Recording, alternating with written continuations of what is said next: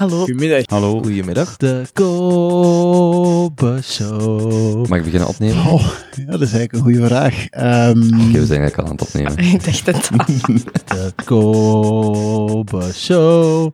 De Kobe Show. 1, 2, 3, 4. Zeg maar Herman. Dat ben ik. Maak fouten. Kijk om je heen. Kun jij deze eruit knippen? Blijf je verwonderen.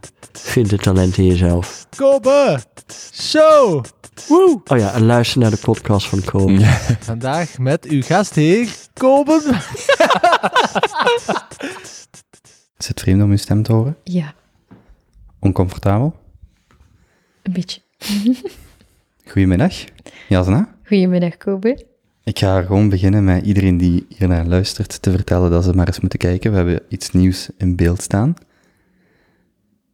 Je moet, je moet geluidjes maken. het, is, eh, het is een werkje wat ik in Portugal heb gekocht. En eh Jasna kwam binnen en zei, wow, space thema. Of het deed u daaraan denken? Denk, ik, ik ga het u laten vertellen. Ja, ik dacht, wauw, super cool. Aliens in the house. dus eh, ja, en toen zei Kobe, ja, het is nog veel cooler, kom maar even kijken. En eh, toen gingen de blacklights aan. En ik heb net ook gisteren een nieuw horloge gekregen. Die ook met blacklight werkt. Eh, een space horloge, dus dat was helemaal mooi in, in top thema of in hetzelfde topic. Het is super cool, omdat het... ehm, eigenlijk is het een vierkant als je het heel rationeel zou bekijken. Maar het is een, een heel fijn kunstwerk die jou meeneemt naar outer space en die jou laat dromen en jouw hersenen aan het werk zet om eh, je verbeelding te laten spreken, om eens na te denken hoe dan een andere wereld er misschien wel uitziet en hoe dat die mensen of organismen er dan uitzien. En dat vond ik ook wel cool, want eh, je kunt het misschien niet zo goed zien, maar de aliens hebben zo drie uitstulpsels op hun hoofd. Er is niemand, denk ik, met zoveel enthousiasme binnengekomen als jij. Direct zo, wow, wow, ah, daar moet ik ook nog kijken. Wow, heel aandoenlijk om te zien. Ja, het is hier gewoon treasure hunt. Ehm, er hangen hier heel veel verschillende werelden om te ontdekken. Heel realistische beelden, zoals eh, deze hele mooie kunstfoto uit Rio de Janeiro. Maar ook nog niet ontdekte werelden, zoals dit kunstwerk. Ehm, ja, world's, world's Smallest Museum, of hoe heet het? Ehm, dan zijn wij ook eh, thee aan het drinken. Yep. Maar niet zomaar gewone thee.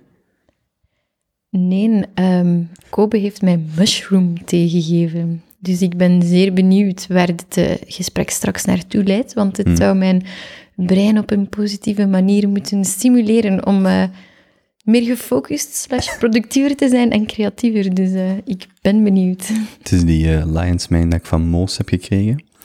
Van, van Four Sigmatic. En Jill zat hier, Jill de Klerk. En die zegt zo... Moos, get off the commercial brand. Blijkbaar kun je het ook in het natuurhuis. eh, de Lions Mane, ik wist dus niet dat dat ook specifiek... Ik dacht Lions is een product van Four Sigmatic. Maar blijkbaar is Lions gewoon een, een natuurproduct. Wat je zo kunt kopen. En... ehm, ook daar weer uw aanstekelijk enthousiasme. Ik was rooibos thee aan het maken tot jij de Lions Mane zag. En zei, en dat wil ik ook. ja, inderdaad. ja, wel, zoals je weet ben ik enorm geïnteresseerd in het brein. En ehm, ja, dat, dat kon ik niet eh, laten liggen, die kans, om dat ook eens eh, te proberen. Hmm. Ik ga je zelfs vragen of je er al, eh, of je er al iets van voelt. Ehm, misschien hier beginnen. Hoe gaat het met u? Met mij gaat alles goed komen. En met jou? Wacht. Ehm, met mij ook. Ik neem net mijn, mijn derde slok van de, van de Lions Mane en ik voel mij nog steeds chill. De, ik was in het begin, als ik na de quarantaine terug, probeerde, terug begon met op te nemen, had ik altijd wel schrik dat elke aflevering over corona zou gaan. Maar nu dat we zo in maand vijf of zes zitten, sinds pre-corona en corona, vraag ik wel graag zo van hoe was eigenlijk een, een bredere impact de laatste maanden op uw, op uw leven, nu dat we er ja, een half jaar, een half jaar in die nieuwe realiteit werken. In die context, hoe, hoe gaat het ermee? Hoe, is u, hoe, hoe zijn de laatste maanden voor u geweest? Ah, dat is inderdaad wel een zeer interessante vraag. Ehm, Het is zo weg van het virologische, meer naar het, Menselijke. ja, ja, super interessant, hè? de corona- corona-periode. ehm. Ja, ik denk dat het iedereen zijn leven veranderd heeft en een impact heeft op je leven. Ik denk dat het vooral belangrijk is, eh, is hoe dat je ernaar kijkt en met welk perspectief dat je de dingen beleeft. Hè. Je kunt helemaal in angst gaan. Of je kunt net de opportuniteiten ervan inzien. Ehm, ja, en ik ben nu al eenmaal een optimist en iemand die graag in alles een opportuniteit ziet. Dus ehm, ja, dat is wel begonnen met een mooie anekdote. Ehm, ik was net in between grote projecten, dus ik kwam eigenlijk net terug van bij NASA, waar dat ik mijn werk eh, heb mogen tentoonstellen. En ehm, ik ging net met een nieuw groot project starten, wat eh, Opera on Brainwaves heet. En eh, dat is een samenwerking met een bekende operazangeres, Elise Kaluwaerts, een Belgische. En mm, de bewuste vrijdag de 13e maart, wanneer ineens heel België in lockdown ging, hadden wij onze persconferentie gepland. Dus eh, de dag daarvoor vloog Elise van New York in naar België met een tussenstop in Londen. En eh, ik weet dat ik die heb opgebeld. Elise, stop, blijf daar. Als je naar hier komt, ga je waarschijnlijk vastzitten, dus blijf gewoon daar. Eh, dus ja, Zij zat de- al in Londen. ja, ze zat Hmm. al in Londen, dus dat was het, het begin van onze launch van ons nieuw project, wat dat dan natuurlijk volledig op zijn gat gevallen is. Eh, maar wat dat ook niet erg is, omdat dat heeft mij de ruimte gegeven om eens goed te reflecteren op mezelf en over mijn leven. En ja, zo tijd en ruimte, dat biedt nieuwe perspectieven. Je kunt het bijna vergelijken als eh, ik leef in een klein appartement of ik maak eens een uitstapje naar de ruimte en ik vlieg naar de maan en ik kijk vanuit daaruit terug naar de aarde. Dat is een heel ander perspectief en dat verandert u ook als mens. Dus ik vond het enorm interessant ook om mezelf te observeren en te kijken wat er gebeurde. Mm. En ik denk dat het ons allemaal ook wel in, op een manier teruggebracht heeft naar het herevalueren van onze waardes en onze noden in het leven. We hebben allemaal veel meer nood gehad de laatste tijd om mensen fysiek te zien, terwijl dat we allemaal massaal op social media zitten. Maar nu ineens was het toch zo belangrijk om elkaar aan te raken. Eh, wat dat heel logisch en heel normaal en heel menselijk is. Ehm, ik moet wel zeggen, ehm, van zodra dat de eerste vluchten terug uit België vertrokken, ben ik direct aangezet en ben ik naar Portugal gevlogen, waar dit werk vandaan Mhm. komt. Ehm, dus ja, normaal zit ik wel elke maand ergens anders. Dus zo heel lang op één en dezelfde plek zitten. Hebben jullie daar zo'n workation? Ik herinner mij het e-mailcontact, maar waren jullie daar met, met, met z'n tweeën? Eh, met drie, ja, we drie. hebben een workation gedaan. dat Zalig. klopt. Ja, dat Wa- was super tof. Eh, we zijn begonnen in Lissabon. En dan ehm, ging Lissabon ook in lockdown. Allee, weliswaar niet waar dat wij zaten, maar toch. En dan eh, hebben we de auto genomen en zijn we doorgereden naar Lagos. Zuiden. Het zuiden, ik had echt letterlijk op mijn Google Maps zo hè, een lijstje, daar wil ik heen. Had ik twee Mhm. vlaggetjes in Portugal staan, één in Lissabon en één in Lagos. Dus eh, wop, we waren weg, auto gehuurd en eh, gewoon vertrokken. Initieel was het ook de bedoeling om maar een week te blijven, maar het was zo fantastisch dat we dachten, we blijven gewoon langer. Hm. Ehm, en dat was kei zalig om dat te doen ook. Ik had toen een, mijn eerste show in Japan. En ik dacht, ja, weet je, dat moet ook gewoon remote control kunnen. Misschien is dit wel mijn nieuwe manier van leven. Is gewoon, ja, waarom, waarom niet bijvoorbeeld in een vallei van Portugal, waar het kei mooie natuur is, waar je dicht bij het strand zit, waar je kunt gaan surfen, waar je supergoed water hebt. Uh, misschien is dat wel meer van belang voor mij dan heel dat drukke leven en van hier naar daar rondvliegen over heel de wereld. Ja, want jij zit een van die mensen die inderdaad gaat van een zeer druk cosmopolitaans leven, van, van echt rondhoppen, naar ineens, ja, gelijk heel de wereld komt tot stilstand te staan, maar voor iemand die weinig buiten zijn dorp of buiten zijn land gaat, is dat van nog, maar voor u is dat wel, neem ik aan, een hele, echt drastisch van de ene dag op de andere, van wow, reizen zit er even niet meer in. Ja, dat klopt, dat is zo. Ja, en ik ben zelf ook enorm graag in de natuur. Dus dan ineens zo vastzitten in een, in een stad is... Uh, ja, dat is toch een andere beleving. Hm. Jij woont hier in Antwerpen. Hm. Van waar zijt je eigenlijk? Ik ben oorspronkelijk van Oppasselt. Niemand kent dat. Dat ligt in Gerardbergen. Gerardsbergen ligt dicht tegen Aalst en Gent en Brussel. Sommige mensen kennen dat wel van de muur, van het wielrennen. Hm. Dus daar ben ik geboren, hè, zo onder de kerktoren noemen ze dat. Hè. Heb jij broers of zussen? Ja, ik heb één zus. Ouder of jonger? Jonger, twee jaar jonger. Dus jullie zijn het gezin in Ophasselt ook geboren en opgegroeid en daar ook naar school geweest? Ja, eh, wel, ik ben geboren in Zottegem. En Hm. Dat ziet je, er is een hoek af. Hm. Ehm, en ja, wij Ik ken alleen van de afrit, denk ik, van de snelweg. Ja, Ik ben daar, ben daar nooit geweest. Ik heb alleen zo dat bord in mijn hoofd van Zottegem, dat grijs bord met Zottegem, denk ik. mm, het is niet echt een afslag om dat te strijden, maar Hm. Oké, wel. Dan ken ik het zelfs daar niet van. Ik dacht dat het daarvan was, maar wat. Maar ja, we zijn daar inderdaad opgegroeid. Ja. Dus ik ben echt opgegroeid in een superklein dorp. En dan ging ik naar school in Gerardsbergen tijdens mijn humaniora. Mm, En ik weet nog zo, de eerste live shock was ehm, ja, van in een heel klein dorp wonen, waar er zelfs geen treinstation is, naar, op mijn zestiende naar New York gaan en voor het eerst in mijn leven een metro nemen, gewoon in New York. Dat is, dat is eigenlijk wel super cool, omdat moest ik geboren zijn in Antwerpen, dan zit je al in een grote stad. En dan heb je al een Kinopolis en een Metropolis en een grote cinema gezien. En dingen die groter zijn, maar als je echt geboren wordt en eh, opgevoed wordt in een klein dorp en je komt dan ineens in zo'n grote stad als New York, dan is dat... Die ervaring is echt magnificent. Hm. Dat is gewoon exponentieel. Dus eigenlijk, in a way, is dat, is dat wel super cool. Werd je als kind al op zoek naar een grotere wereld en, werelden? En dan denk ik misschien eh, films, boeken, andere dingen waar dat je je beperkte fysieke wereld kon vergroten of uitbreiden. Want je zit van 92, hè? Ja, klopt. Dus, dus we schelen maar een jaar. Internet is rond die periode dat je 12, 13, 14, 15 was. Allee, dat was to- toen ik 13 was. Hadden we internet thuis, wat natuurlijk de wereld ook binnenbrengt. Maar ik weet niet hoe dat, dat, hoe dat, dat voor u was in die periode van, om vanuit een klein dorp te komen, om dan de wereld binnen te trekken. Op welke manieren? Oh, dat is eigenlijk ook een supermooie vraag, Koben. Er is nog nooit iemand die mij die vraag gesteld heeft zelfs. Eh, ik denk dat wij enorm veel... Dat is de, dat is de Lions Man. Mm. Ik ga nog een slok pakken. Straks eh, spacing out. Mm, nee, ik denk dat wij enorm veel geluk hebben gehad. Eh, ik, wij zijn opgegroeid met een mama die zelf super creatief is. En die echt, ja, die niets leukers vond dan ons verbeelding te stimuleren. En wij mochten dan ook echt, ja, de meest gekke dingen doen. Ik heb met mijn moeder op de muren geschilderd in de keuken, maar echt zo met ecoline, zo niet Mm.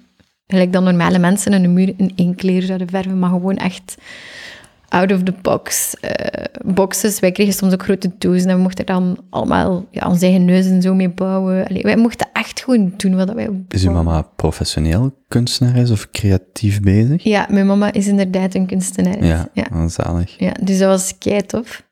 Dus vandaar heb ik dat stukje meegekregen. En mijn papa is dan een, een mechanieker. Hè. Die zet machines in elkaar. Dus dat technische stuk, dat komt vandaar. Ja. Literatuur, films? Want eh, ging het dan, had je, dus ge- gezegd, als je jong werd, had je wel die mogelijkheid om je creatief bezig te houden. Maar werd je toen al, want ik, ik kan mij voorstellen, gelijk, ik herinner mij nog beeldig, dat Titanic is uitgekomen, denk ik, in 98, ik ben niet zeker, ik was jong. Maar ik heb voor mijn verjaardag zo'n heel groot boek gehad, met alles van Titanic, maar het was echt zo'n gigantisch boek. Met tekeningen en detailbeelden, alles van Titanic. Want mijn moeder heeft zelfs nog een verjaardagscake gemaakt, zijnde de Titanic of een taart. Ik was daar helemaal van weg, maar daarom als ik de vraag stelde, dan dacht ik van, amai, dat was voor mij manier om zo, wow, zo, zo die verbeelding, van, hoe groot is dat? Wow, dat is zoveel voetbalvelden of whatever, of zoveel mensen. Maar was dat, werd je op dat moment al bezig met zo de wereld buitenaf, of ging dat echt, of be- beperkte het zich tot, tot die, die creatieve uiting die je van thuis meekreeg? Nee, ik- mijn mama zegt dat ik altijd al zo een buitenbeentje was. Ik, ik heb bijvoorbeeld op een heel absurd jonge leeftijd aan mijn ouders gevraagd, ja, maar zeg Sinterklaas, en eh, hoe zit dat dan met de kindjes in Afrika? Komt de Sint daar dan ook? Krijgen die dan ook cadeautjes volgende week? En mijn mama die zei, je werd echt zo absurd jong en ik wist gewoon niet wat ik daar moest op zeggen. Of ehm, als ik dan rode lippenstift vond, dan tekende ik zo'n hele grote bol op mijn hoofd. en ook mijn ouders zeiden, ja, wij weten, we zouden niet weten wa- waar dat je dat gezien hebt, maar je werd altijd al bezig met andere culturen. En, en bijvoorbeeld China vond ik enorm fascinerend, de ruimte ook. Maar daar konden zij mij eigenlijk niet zo heel veel over vertellen. Wat dat ik wel jammer vind, in a way. Ik denk dat ik, als ik zelf kinderen zou hebben, daar, ja, dat ik daar echt wel zou over vertellen. Want ik weet nog dat ik in het middelbaar dan te weten kwam in een van de lessen van ja, het universum zit zo in elkaar. En I was completely spacing out. Like, what? Huh?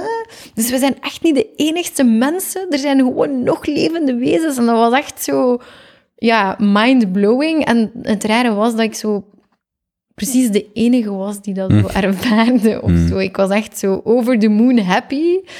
Eh, dus ik kon mij daar ook wel altijd zo heel erg in, in leven, om het zo te zeggen. Ik heb ook altijd toneel gespeeld als ik klein was. Dus die nieuwe, de nieuwe werelden openden zich op heel verschillende manieren. Ook altijd tekenles gehad van een heel spirituele vrouw. Dus daar opent zo het eerste deurtje naar het esoterische. Ehm, ja, op, op heel verschillende manieren. Ehm, ik weet ook dat de, de, mijn slaapkamer, zelfs als baby, was... eh, op de muur was er eigenlijk een soort van de ark van Noah geschilderd. Maar alle dieren hadden gewoon een andere kleur. Bijvoorbeeld de konijnen waren paars. Hm.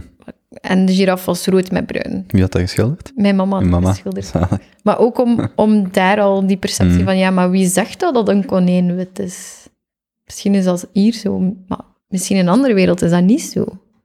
Dus eh, ja, dat was, dat was eigenlijk wel heel fijn om zo op te groeien. Had jij een bepaalde interesse waar je al van jongs af aan helemaal in, in, in... Want ik hoor een paar keer de ruimte zeggen, maar ik weet niet of het louter dat was. Ja, Want ik hoor ook zeggen, ja, we zijn misschien niet alleen, of er zijn andere organismen. Wat was dan zo een, een, een interesse die je misschien al heel vroeg had? Goh, ja, heel veel. Hm. Ik, Ik dacht dan met dat ik de vraag stelde, dacht Ja, ik, ja, dat is waarschijnlijk moeilijk om... heel moeilijk om te beantwoorden. Ik verzamelde ook ja, geen posttegels, maar bijvoorbeeld parfumflessen. Allee, zo heel ruim, een heel ruim interesse hebben doen. Ja, zoals men dat nu zou zeggen, hè, met internet echt heel veel informatie consumeren en altijd nieuwsgierig. Dus dat, op dat moment kun je dat nog niet volledig pinpointen. En het is ook logisch, want als je ziet nu, combineer ik echt drie grote topics. En dan ga ik dat ook nog eens cross-industrie naar buiten brengen. Dus ik, er is niet één ding. Hm. Maar dat is nooit zo in het leven.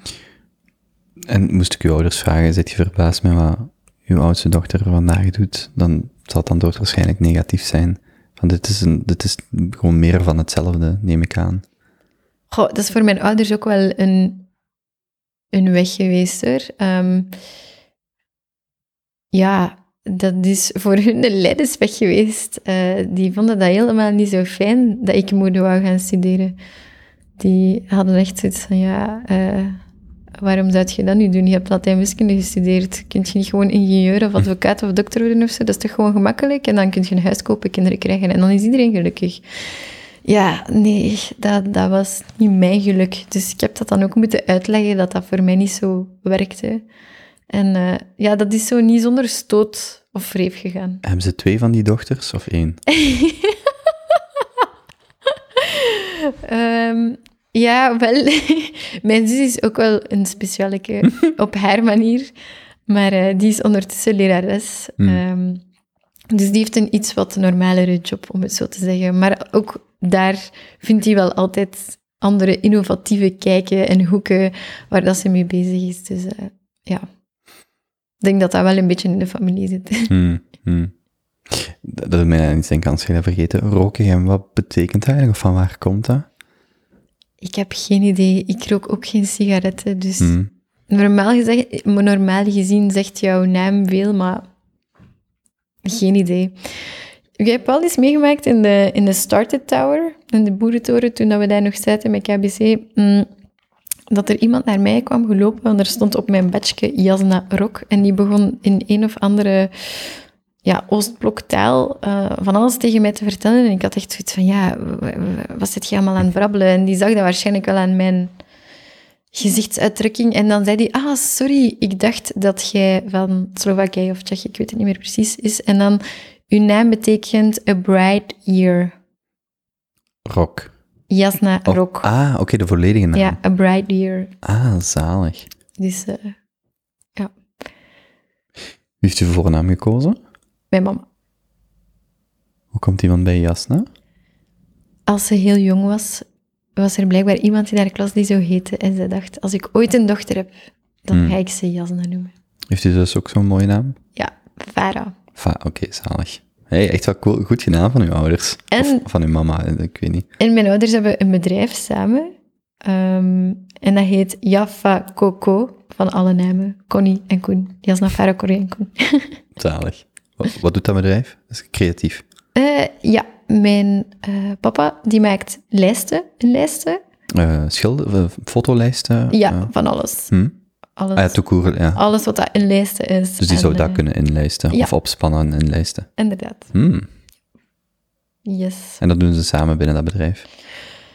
Ja, inderdaad. Ja, ik denk dat als je gewoon als koppel een, een bedrijf hebt die aan je huis plakt, dan zijn er altijd met twee involved. Of dat je dat nu wilt of niet, dan... Ja, zoals net hier, ik zit hier ook in uw huis. Dus moest, jij, moest hier nu een huisdier of, of een vriend of vriendin Hmm. rondlopen, dan zou die ook mee involved zijn. Of dat die daar... Of hij, hij of zij daar nu voor kiest of niet, dan is dat gewoon zo.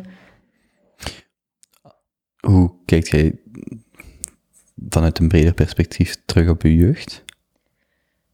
Ja, ik denk dat dat heel persoonlijk is, heel privé. Ehm, ik zie dat meer als. Ik ben heel blij dat ik nu grown-up ben en op mijn eigen benen kan staan. Dat is eh, niet altijd even gemakkelijk geweest voor mij. Mm, Je moet ook rekenen, allez, je bent een buitenbeentje, dus eh, dat is niet zo gemakkelijk in de relatie tot je ouders toe, tot je familie, maar ook niet altijd op school, omdat ja, je denkt gewoon anders. En je past niet in een bepaald keurslijfje. Dat, ja, mij kun je heel moeilijk in een vakje stoppen, want als je dat probeert te doen, dan ga ik er alles aan doen om terug uit te breken. En dat gaat mij ook altijd lukken. Dus eh, ik denk dat, ik, dat het zeer leerrijk was. En zoals mensen ook altijd zeggen over littekens, of dat dat dan nu fysiek of, of mentaal of emotioneel is, het maakt je tot wie dat je bent. En ik denk dat dat juist het mooie is als je daar zo kunt naar kijken. Ehm, ja, maar het heeft ook wel geleid tot... Ik heb in Rotterdam gestudeerd, hè, niet in België. En ik denk dat dat ook wel zoiets was van, oké, ik wil zo ver mogelijk weg dat ik zeker op kot kan en dat ik zo alles achter mij Hm. kan laten, dat ik gewoon even zo mijn eigen ding kan doen. Wanneer voelt je dan dat je anders bent of een buitenbeentje? Ja, ehm, goh, er popt, zo een, er popt een beeld op bij mij nu. Ik denk dat ik rond, rond mijn 16 was of zo. En dan had ik zo een paarse periode. En eh, dan liep ik helemaal in het paars rond. Met zo satijnen paarse broek, satijnen paarse blouse, paarse eigenlijk alles oorbellen. Gewoon helemaal paars. Hm. En mijn haar was ook altijd in de meest absurde koepes geknipt. eh, maar ik trok me daar geen bal van aan. Ik deed dat gewoon omdat ik daar goesting in had. Eh, ja, en, en bijvoorbeeld ook wel tijdens mijn studie in Rotterdam, dan merkte ik wel op dat vaak als opdrachten gegeven werden, dat ik die anders interpreteerde. En eerst dacht ik, ja, dat is omdat ik een Belg ben, maar dat, Hm. dat, is eigenlijk, dat bleek niet zo te zijn. Is het dan verwarrend voor mensen dat je aan de ene kant, je moet zelf je labels maar zelf kiezen, maar excentriek zijt, maar ook gewoon ook intelligent? Want ik kan mij voorstellen dat er richtingen zijn waar iemand volledig in het paars binnenkomt en dan zeggen, ja, geen probleem. Maar als je Latijn wetenschappen doet, dat er misschien, dat je, dat het niet louter is wie jij bent en hoe jij je in de wereld toont, maar dat je ook ingaat, bewust of onbewust, tegen een verwachtingspatroon of tegen een soort van sociaal contract, wat, wat deel uitmaakt van bijvoorbeeld de richting waar je in zit, van dat, dat past toch niet, zo gezegd? Ah ja, zo. Ja. Ehm, ja, tuurlijk. Hè. Je krijgt gewoon heel veel tegenwind. Hè. Latijn is ook zo, zo gezegd voor seuten. En ja, sommigen ja, zien er ook wel zo uit en gedragen en zo, maar niet allemaal. Hè. Ehm, en ja, dat klopt ook wel. Ehm, de eerste collectie die ik ooit gemaakt heb, die heet de Anunnaki. En dat is eigenlijk een legende over uh, superintelligente wezens die naar eens om de 2600 jaar naar de aarde kunnen. En uh, de legende zegt dat die ons goud hier kwamen stelen. En die hadden eigenlijk een absurd lange schedel. Hè? Um, die waren superintelligent, die konden telepathisch communiceren en, en nog zo van dat soort karakteristieken. Uit welk verhaal komt die legende? Uit welk verhaal komt die legende?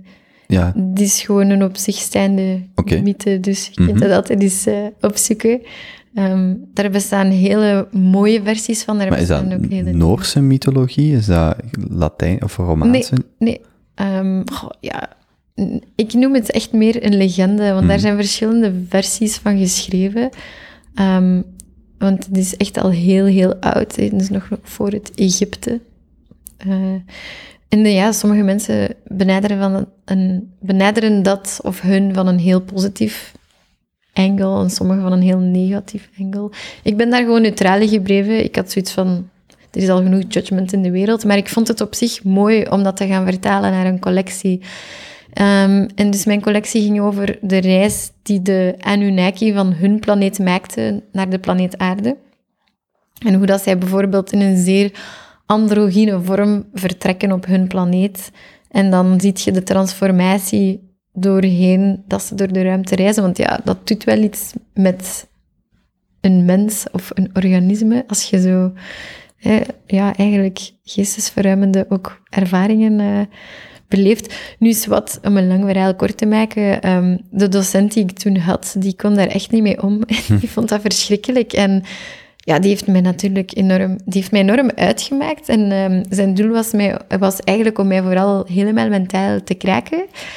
Ehm, en vooral ook van, oké, we gaan die gewoon keihard laten wenen. En eh, als, we het als het leven zo zuur maken, dan, dan gaat hij vanzelf wel weggaan van deze academie.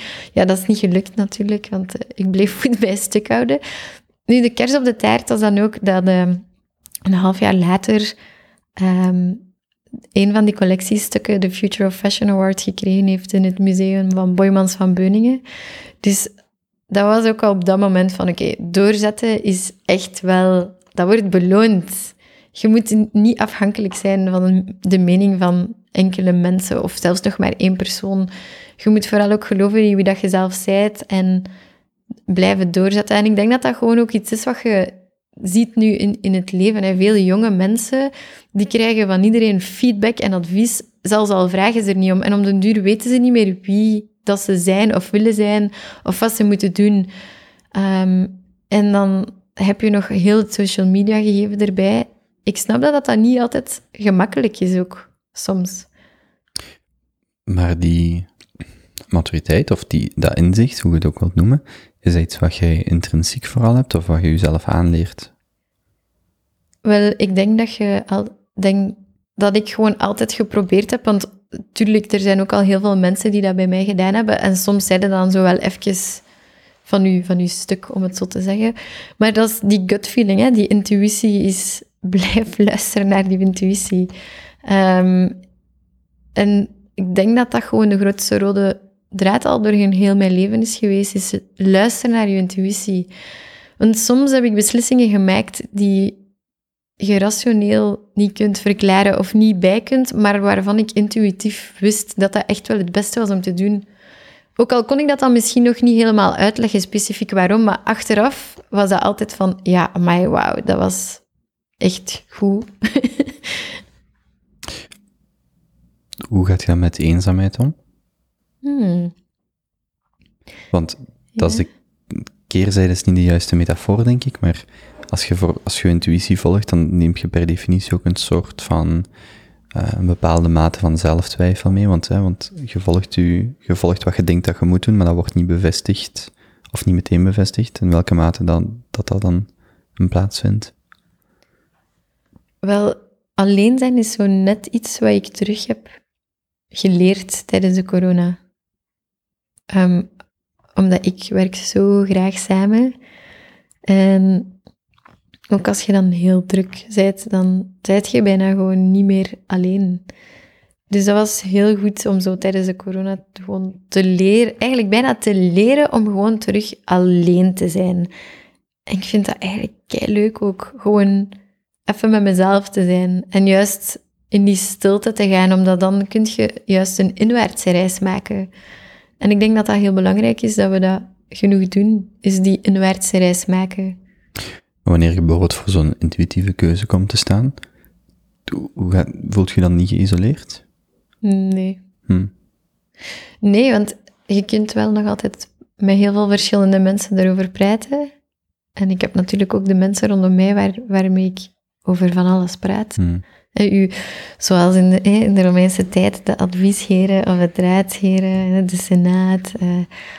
Dus dat is heel belangrijk om net ook wel die meningen te verzamelen. Maar in die end moet je vooral je eigen gevoel volgen.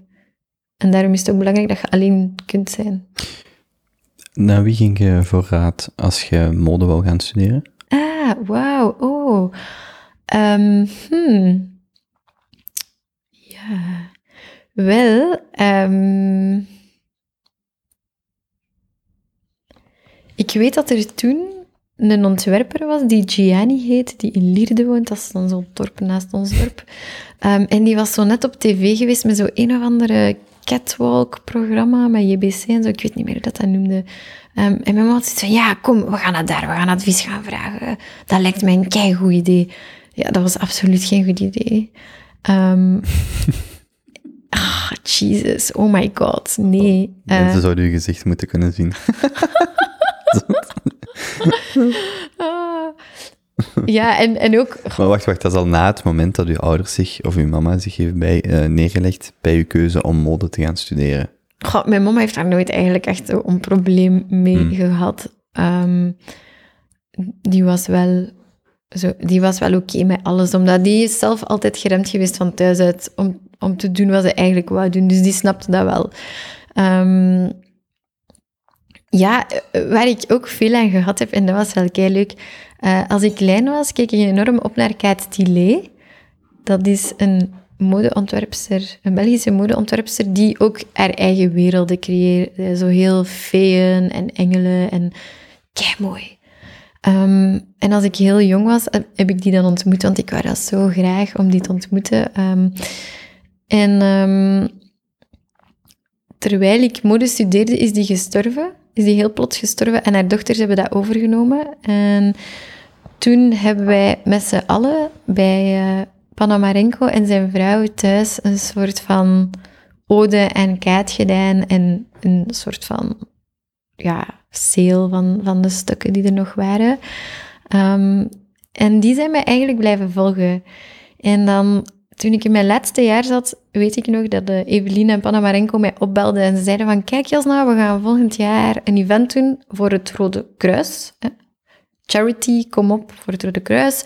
En we gaan samenwerken met alle grote namen in de Belgische kunstwereld. Hè. Jan Fabre, Berinde de Boymans, Tuymans.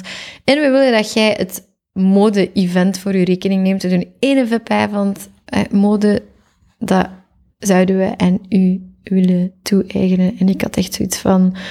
eh, hoezo? I mean, er zijn zoveel bekende Belgische modeontwerpers en ik ben nog niet eens afgestudeerd, dus ik weet zelfs nog niet wat ik ga doen om af te studeren. Mm, en dat was echt wel een moment dat mijn leven veranderd heeft.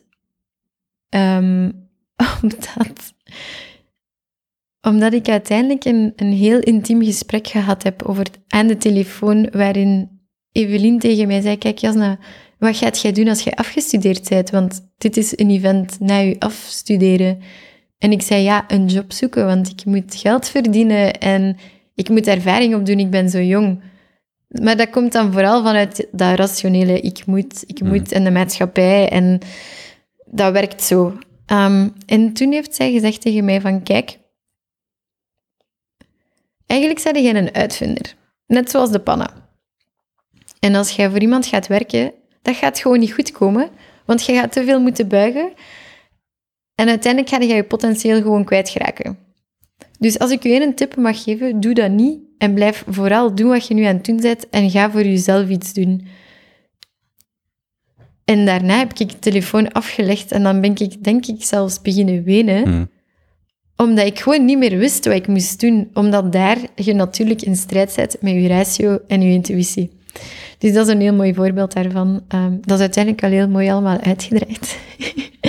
en ik ben eh, heel dankbaar dat zij toen dat gesprek met mij gevoerd hebben.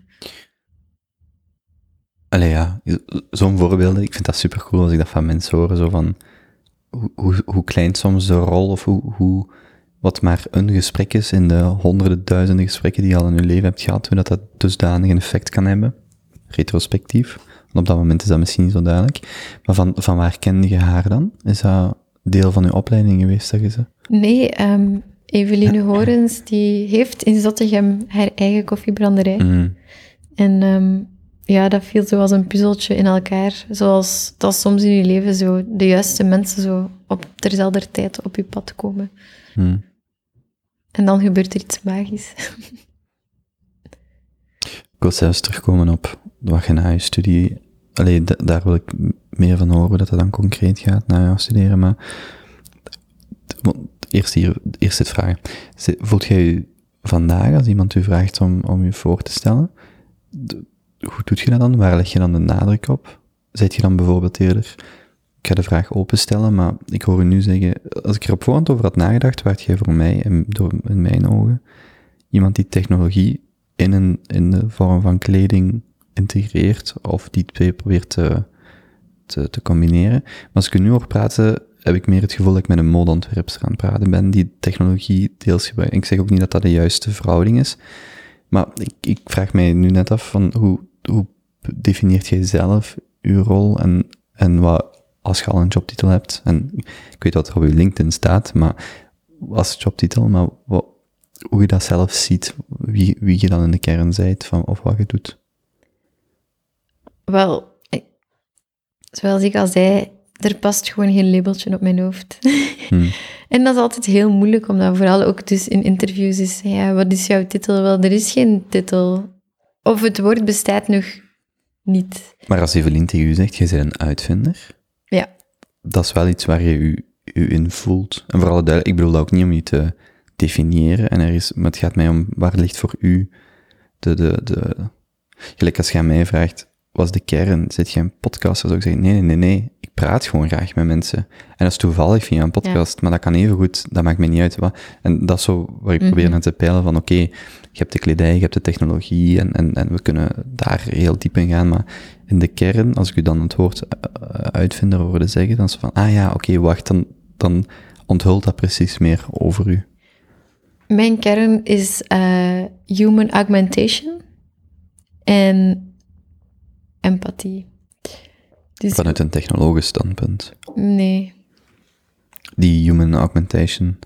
Human augmentation is echt hoe kunnen wij als mens een zesde zintuig aan onszelf toevoegen? Hoe kunnen wij ons als mens gaan augmenteren?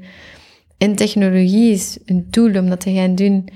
Mode is een interface om dat te gaan doen, want mode zit als een tweede huid om je heen. Dus het is de ideale interface dat je maar kunt bedenken. Of je kunt natuurlijk met implantaten gaan werken, dan zit het gewoon in u. En wetenschap is wat we doen om het te verklaren en om het rationeel verstaanbaar te maken voor de mens. Dus daar sla, we, sla ik de brug. Maar de essentie is wel, hoe kunnen we onszelf augmenteren als mens? En wat vind ik het interessantste? Wel, emoties en onze emotionele intelligentie. Want voor mij is dat net wat ons als mens anders maakt dan robots of misschien andere wezens in dit universum. En dat zijn ook de, de gesprekken die ik graag voer. ehm, met zoals mensen van NASA, van oké, denken jullie dat er nog ander leven is en wat maakt ons dan zo anders? Onze emoties en het feit dat wij liefde kunnen ervaren. Want hoe mooi is liefde? Dat kan supermooi zijn, dat kan ook verschrikkelijk zijn, maar dat is zo uniek. Weet je? Dat is zo speciaal. En dat is voor iedereen anders. En dat is net zo interessant. En- vooral ook is hoe, hoe wij als mensen een extra dimensie kunnen toevoegen. We kennen allemaal tijd, we kennen allemaal ruimte. Maar misschien zijn er dimensies die we nog niet verkend hebben. En hoe tof zou dat zijn dat kleding die nu eigenlijk heel passief is, eigenlijk net een extra meerwaarde krijgt, een extra functionaliteit, maar ook een extra dimensie. En die dat ontastbare tastbaar maakt, of, of de invisible visible. Of wat dat van mijn stokpaardje is, is die impossible possible. Ik doe graag dingen die onmogelijk lijken te zijn. Dat is net iets wat dat mij uitdaagt. Maar dat heeft dan, wanneer het op kledij gaat, dan heeft dat wel een, een, kern in technologie. Want daar heb je dan die technologische ontwikkeling. Wacht, ik ga mijn vraag anders stellen. Wanneer het gaat over die hu- human eh, augmentation, ik denk dan ook meteen aan wat zijn de, de sociotechnologische dingen die we hebben, gelijk religie, traditie. Wat zijn de psychotechnologische ontwikkelingen, gelijk een alfabet en dergelijke. Daar ben ik super in geïnteresseerd, maar ik weet niet of dat er, daarom dat ik vandaar het, als ik dan kijk naar wat je concreet doet vanuit mijn perspectief, dan heb je daar altijd een vorm van toegepaste wetenschappen, van technologie. Maar ik denk dan ook direct aan die psycho- en die sociotechnologische dingen. Is dat, valt dat binnen u dan interessedomein? Ja, dat valt onder die paraplu. Mhm. Dus ehm, dat valt daar eigenlijk allemaal onder. Dus die human augmentation kun je zien als een, als een paraplu waar dat die dingen onder zitten. Zoals, we hebben Black Lives Matter. Ja, dat is super essentieel. Dat is super belangrijk. En als we allemaal naar de essentie gaan, wel, emoties zijn een universele taal. We weten allemaal wat het is om te rouwen en om verdrietig te zijn omdat er iemand gestorven is aan corona, ongeacht of ik zwart of geel of rood of blank ben. Dat is net iets wat dat mij verbindt met alle andere mensen en omgekeerd. Ongeacht welke kleur of welke taal, of ik nu Frans of Arabisch of Chinees spreek, dat is iets wat dat iedereen begrijpt, zonder woorden.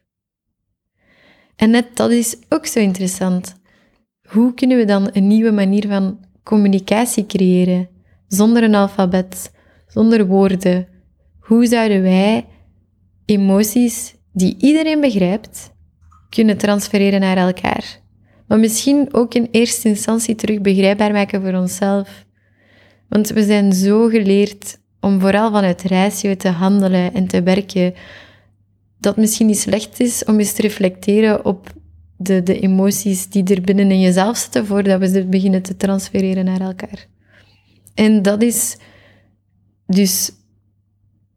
Dat, dat is iets wat je kunt terugvinden in elke religie of cultuur. En dat is wat ons als mens met elkaar verbindt. Dus als dat met ons met elkaar verbindt, waarom kunnen we dat dan niet gaan amplifyen? Daarom dat ik het dus zo belangrijk vind, of als mijn taak ook aanzie om een impact te maken op vlak van emotionele intelligentie en empathie, om dat juist naar omhoog te halen. En is kleding dan vandaag het vehikel waardoor je dat doet, of bekijk ik het dan te nauw?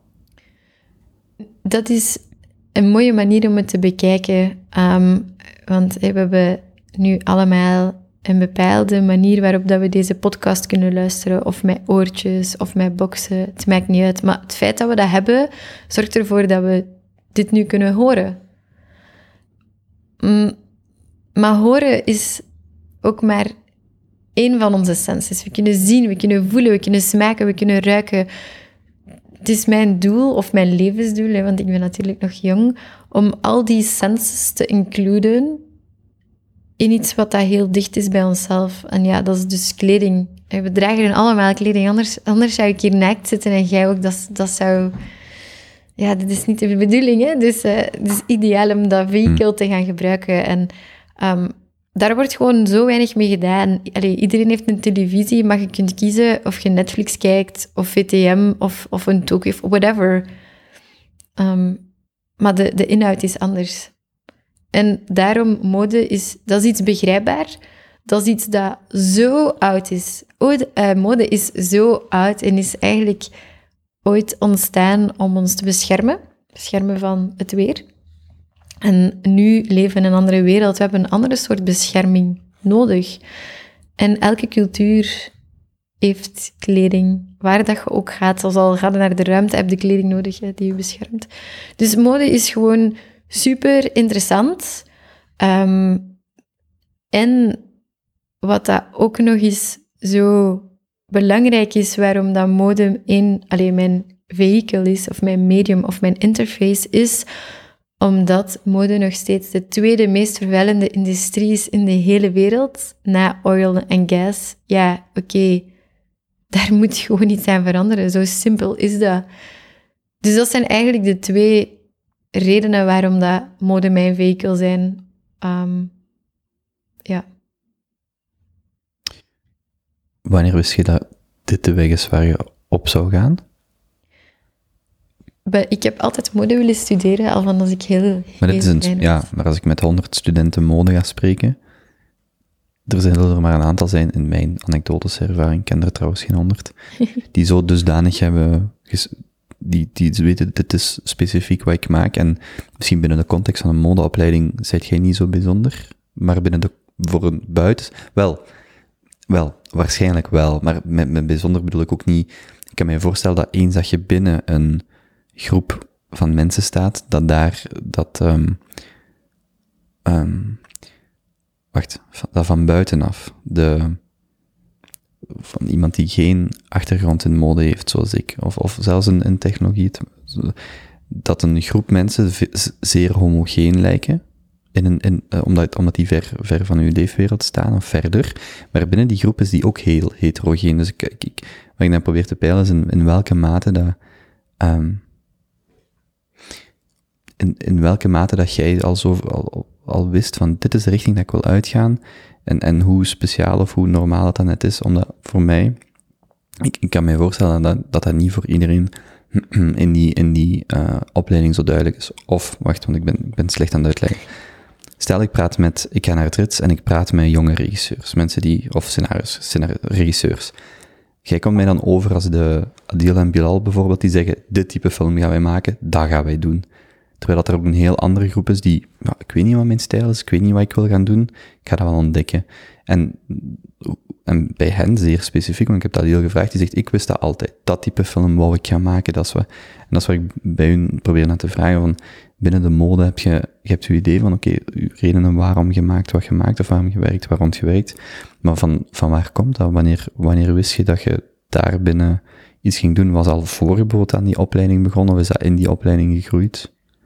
Goh, wat ik nu doe, bestond nog niet. Dus je krijgt dat ook als examenvraag van de jury. Is, ah, en waar is dit jezelf in vijf jaar staan? Ik kon daar geen rechtlijnig antwoord op geven, want zelfs nu is dat nog niet echt iets wat je kunt studeren. hè. Bijvoorbeeld fashion tech. Mm. Dus dat is echt along the way. Ik, allee, ik wou het brein verbinden aan kleding die van kleur en vorm veranderde. Dat was echt al...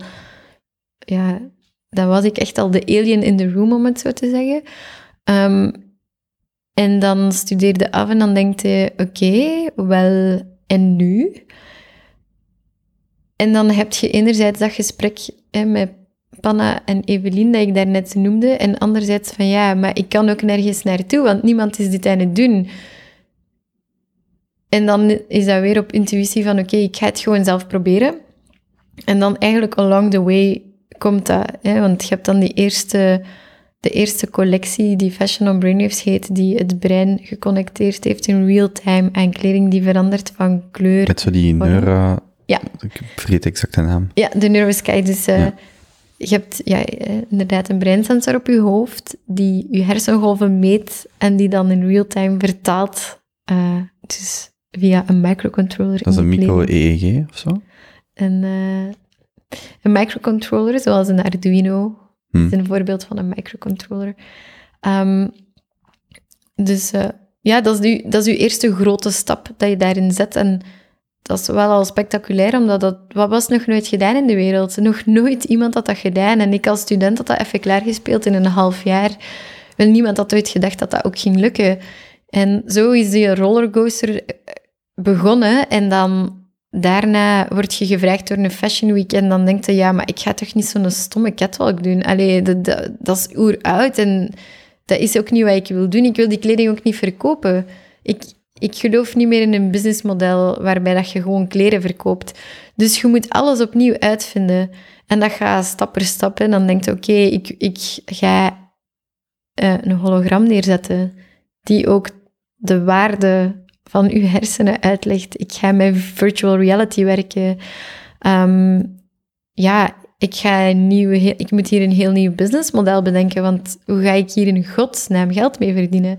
Dus je moet eigenlijk alles gaan uitvinden van, vanaf nul. En ja, dat is natuurlijk niet iets dat je in één dag komt. Dus er is ook niet zo één punt waarop ik het wist. Dat was puur op intuïtie. Ehm, dat je gewoon de volgende stap zet en dan de volgende en zo verder. Voor dat afstudeerproject, of voor die eerste die, die met de brainwaves, ik vergeet exact de naam, Fashion on brainwaves. It's, Fashion. it's easy. Voilà, Fashion on Brainwaves.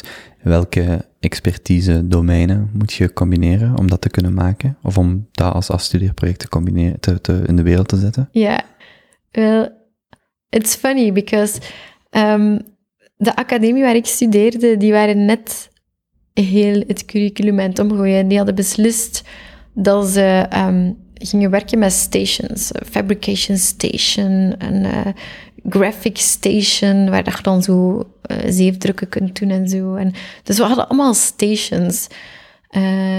En ik was zo wel de, e- de eerste student die in al die stations gezeten had. Ja, van leren solderen, met die microcontrollers werken, tot in de filmstudio om, om mijn eerste fashionfilm op te nemen, tot ja, Fabrication Station, dat is een no-brainer, want alle modestudenten zaten daar. Um, but I was all over the place. Ik zat overal tot, tot heel laat en dan met de lasercutter die net eh, toegekomen was en dan wou ik ja, dan direct uitproberen, experimenteren. Wat zijn de limieten? Hoe kan ik aan die instellingen prutsen om nieuwe dingen te ontdekken? Dus dat was super tof ook. Terwijl dat heel veel van mijn medestudenten dat echt ervaarden als, als, een, als een kwelling en, en, en als een hel. En oh nee, het systeem verandert en wij willen net binnen dat kader blijven. Ehm, terwijl dat ik zoiets had, yes, Heaven's Playground, let's do this. Dus eh, ja, ik ben inderdaad ook afgestudeerd zonder catwalk show. Ik heb een heel performance neergezet aan eh, een fashionfilm gemaakt met mensen die ik toen al uit mijn netwerk kende. Ehm, dus ja, dat is denk ik ook wel altijd iets wat ik gedaan heb. Is heel ik ben heel actief geweest altijd. Ehm, en ik heb sinds toen ook gewoon mijn netwerk uitgebouwd. Ehm, en uit samenwerken leerde gewoon heel veel. Er is sowieso een neurologische component aan wat je doet, want, want- van waar Ja. komt dan die expertise of zelfs de toegang tot die expertise? Aha, oké. Ja, wel. Ah, ik kan mij voorstellen dat er geen neurology station was. Nee, er was geen neurology station. En dan probeerde natuurlijk e-mails te sturen naar neurologen. Maar ja, als je dan moet zeggen, hallo, ik ben Jasna Rokegem, ik ben een modestudent uit Rotterdam en ik ga de hersenen combineren met kleding. Kunt Wilt jij mij helpen? Ja, ik kan mij voorstellen dat je dan echt denkt als je zoiets in je mailbox krijgt van... Ja, allee, zo een of andere rare student. Dus op dat moment ging dat nog niet. ehm, maar er was een bijzondere hackathon bij ESA, de European Space Agency in Noordwijk. En ik had gewoon een geweldige docent die mij zo met microcontrollers en van alles had leren werken. En die zei, ik denk dat dit echt wel iets is voor u. Moest ik van u zijn, ga daar naartoe, probeer alle breinsensors in de wereld dat je kunt te pakken krijgen, te pakken krijgen, ga daar naartoe en die mannen, die gaan u kunnen helpen. En effectief, dat was niet zo gemakkelijk, maar ik ben aan drie breinsensors geraakt. En dan heb ik dat samen met hun kunnen analyseren. En het grappige is, dat klinkt allemaal zo heel scientific. Maar dat ging zelfs tot... ehm, ik ben daar dus een heel weekend geweest, dag en nacht. Ik ben daar zelfs blijven slapen. Ehm, en ik had gewoon die breinsensor op mijn hoofd. En die lieten mij trappen lopen bijvoorbeeld, om te kijken wat voor impact dat had. Of van binnen naar buiten, om te zien wat dat de koude deed. Eh, dus we hebben al dat soort experimentjes opgezet. En dan uiteindelijk uit die drie breinsensors hebben we er één gekozen die voor wat ik wou doen het best geschikt was. Wat deden die microcontrollers eigenlijk binnen die opleiding? Microcontrollers, wel, er was een animation station, eh, juist ook om creatievelingen de keuze te laten om met lasercutters, 3D-printers te werken, maar om zo, oké, hoe doet je een ledje branden? Hoe soldeert je? Om meer interactieve projecten op poten te zetten binnen alle creatieve, ja, hoe moet je dat zeggen? Alle creatieve richtingen dat je kunt volgen. Van grafisch tot film, tot animatie, tot mode. Waarom heb je eigenlijk voor Rotterdam voor die school gekozen? Wel, dat, dat heb ik daarnet al een stukje beantwoord. behalve het weg zijn van Vlaanderen. Goh, ja, dat Of- was of niet van- zozeer van Vlaanderen, Ja. gewoon even... ehm, goh, ik heb ook in Gent eh ingangsexamen gedaan, mode. ehm, maar ik wist ook al op voorhand, ik, ik had een heel grote vriendengroep. Omdat ik ook gewoon heel veel hobby's had. En ik... Een van mijn hobby's was dansen. Dus ja, uitgaan en dansen, dat ligt dicht bij elkaar. Ik wist ook wel, als ik in Gent zou studeren, dat dat, dat, dat misschien wel fout ging afdraaien, omdat het veel te plezant ging zijn. En uiteindelijk had ik mijn grote droom. hè. Ik, ik wou mijn grote droom waarmaken. En ehm, ik ben één keer in Rotterdam geweest.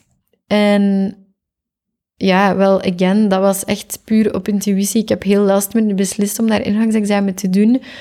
Ehm, ik ben dan ook wel stuit geweest. Ehm, ja, ja, mijn ouders waren daar niet voor te vinden. Dus ik heb dan zo stiekem de auto geleend. Wel, slash, gewoon niet verteld en dat gedaan. Als ik twintig dagen mijn rijbewijs had, dus ik ben mij ook een GPS gaan kopen, ik ben gewoon naar daar gereden. Ik heb dat gewoon gedaan. En ehm, ja, ik denk dat ik op 5 juli... Ik liep hier toen rond in Antwerpen. Ik was uh, aan het shoppen. Kreeg ik ineens telefoon van mijn vader. Dat er een brief was toegekomen dat ik toegelaten was in Rotterdam. Maar waar ging dit over? Hm. Want, ah ja... Dus ik was super blij en dat voelde gewoon het beste aan. En eh, ja, dan, dan heb ik mij daar gewoon ingeschreven. Ben ik naar daar verhuisd de nacht voor het eh, studiejaar begon. Zonder dat ik daar iets kende, iemand kende. Ik, ik wist niet zijn. Dat was echt gewoon zo als 18-jarige gedropt worden in the middle of nowhere van een klein dorp naar een wereldstad. Dus ja, dat, is wel, dat was wel gewoon zo... Wat zeggen ze zo? Gelijk dat je een kind die niet kan zwemmen zo het water ingooit. Hmm. Zoiets. Je glimlacht wel, je glundert volop als je dat vertelt. Ja, inderdaad. Ik, ik, ben daar echt uit gegroeid. Dat heeft me echt veranderd. Ja. Soms zeg ik ook wel, uh, het, je pikt het beste uit de twee werelden mee, hè? dus uit, uit België en Nederland. Dus ik ben wel super blij dat ik dat gedaan heb. Ik zou, moest ik het opnieuw moeten doen, ik zou het gewoon terug zo doen. Dat was... Die academie is gewoon fantastisch. Dat is echt geweldig. Hoe heet die school? De Willem de Koning Academie. Mm. Er hangt ook zo'n hele mooie zin boven de academie in neonlichten. You have to change to stay the same. Hangt die ergens bij je thuis nu? Nee, maar die zit uh, diep van binnen. Hmm. Die moet nergens meer hangen. Als je dat telefoontje met Evelien doet en ze zegt u, je zit een uitvinder, uh, hoe gaat het dan verder?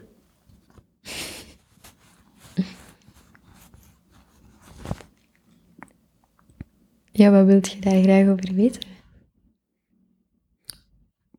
Wat relevant is tot wat je vandaag doet. Want goed, je bent een uitvinder, oké. Okay. Maar je hebt net die, uh, je studie afgerond. Maar hoe gaat je dan, als je in een dusdanige uh, niche zit, en opnieuw, voor mij als buitenstaander, dus misschien zeg je, ja, maar dat was helemaal geen niche, maar hoe gaat je, dus verbeter me rust, hoe gaat je daarmee verder? Hoe, welke stappen zet je dan überhaupt? Ah, oké. I see. Mm. Ja, sowieso, dat is een niche, dat was... Allee, als je kijkt binnen België ook nu... Jasnarok is nog altijd het enigste Fashion and Technology Lab. Het zou super tof zijn, moesten er meer mensen dit doen. I mean, er is zoveel wat we kunnen doen, er is zoveel wat nog veranderd mag worden, dus... Um, maar hoe gaat dat dan verder? Ja, wel, um, ik ben dan afgestudeerd met de Fashion on Brainwaves collectie. Um, ik had een lief hier in Antwerpen, dus dat was een logische stap om naar hier te verhuizen terug. En um, ik werkte dan zo als, als vakantiejobber nog in een boutique hier. En uh, ik had zoiets van, ja, wat ga ik nu doen? Dus ik heb mezelf dan gewoon ingeschreven om hier internationaal ondernemen te studeren in België. Met het, het idee van, ja, misschien moet ik dat dan maar gewoon doen. Maar eh, ik, ja, ik ken helemaal niets af van business. Je krijgt dat ook niet op school of zo. Dus laten we dat doen. Maar ondertussen ging die collectie zo aan het rollen. Ik was aan het werken. ehm, ik ging eigenlijk nooit naar de lessen. Ik had dan dat ook groot event met Panamarenko voor eh, het Rode Kruis. We waren dus eh, januari, Jasna was amper naar de lessen geweest, alle examens geslaagd, geen enkel probleem. Fashion Week stond aan de deur, daar een grote performance gedaan. En ehm, de dag na Fashion Week, eh, 19 januari, had ik zoiets van: oké, oké, het is goed, ik ga het gewoon doen. Ik ga het gewoon proberen. En dan heb ik eh, mijn, eh, mijn bedrijf opgestart. En dan had ik zoiets: oké, ik geef mezelf een jaar en dan zien we wel waar ik sta. En ik mag mezelf een jaar committen om gewoon dedicated hier uit te zoeken wat ik wil, doen. En eh, zo kwam ik al snel van Nederland-België naar Berlijn. En de scene daar was gewoon veel groter nog. Dat is de deur van de buurman. Oké. ik dacht zo, wauw, het spookt. ik, ik was deze week letterlijk aan het denken om met zo'n WD-40 of weet dat, naar al mijn buren te gaan zeggen, ik kom je scharnieren en spuiten, want je hoort dat vrij hard. Ja, je hoort dat enorm goed. Mhm. Wel, dat wil wel veel zeggen over de kwali- kwaliteit van jouw apparatuur natuurlijk. Mhm. Of de isolatie van mijn buitendeur. Het is al maar hoe dat je het bekijkt. Hè. Dus ja, dat was de opstart van Jas naar Rok. Je zei er straks, als ik, moet, als ik moest denken over een businessmodel, dat komt ook niet van, van één dag. Hoe, hoe zat dat dan in je hoofd? Eh, hoe je die, ja, hoe je daar überhaupt ehm, een model in krijgt, waar dat voor u dan de, de focus op ligt, binnen Jas naar Rok? ja, op dat moment ehm, was dat heel handig om internationaal ondernemen te studeren. En dan wat dat idee, als ik dan naar de les ging, wat dan niet vaak gebeurde, dan zette ik dat, zette ik dat meteen om in eh, de theorie, in praktijk. Ehm, in het begin had ik natuurlijk de Fashion on Brainwaves collectie. En dan langs de andere kant had ik ehm, een heel speciale ehm, collectie ontwikkeld voor de eerste rooftop bar in Rotterdam. Dus alle werkers liepen daar rond in eh, collectiestukken van Jas Rok, die weliswaar heel draagbaar waren, maar toch ook heel speciaal.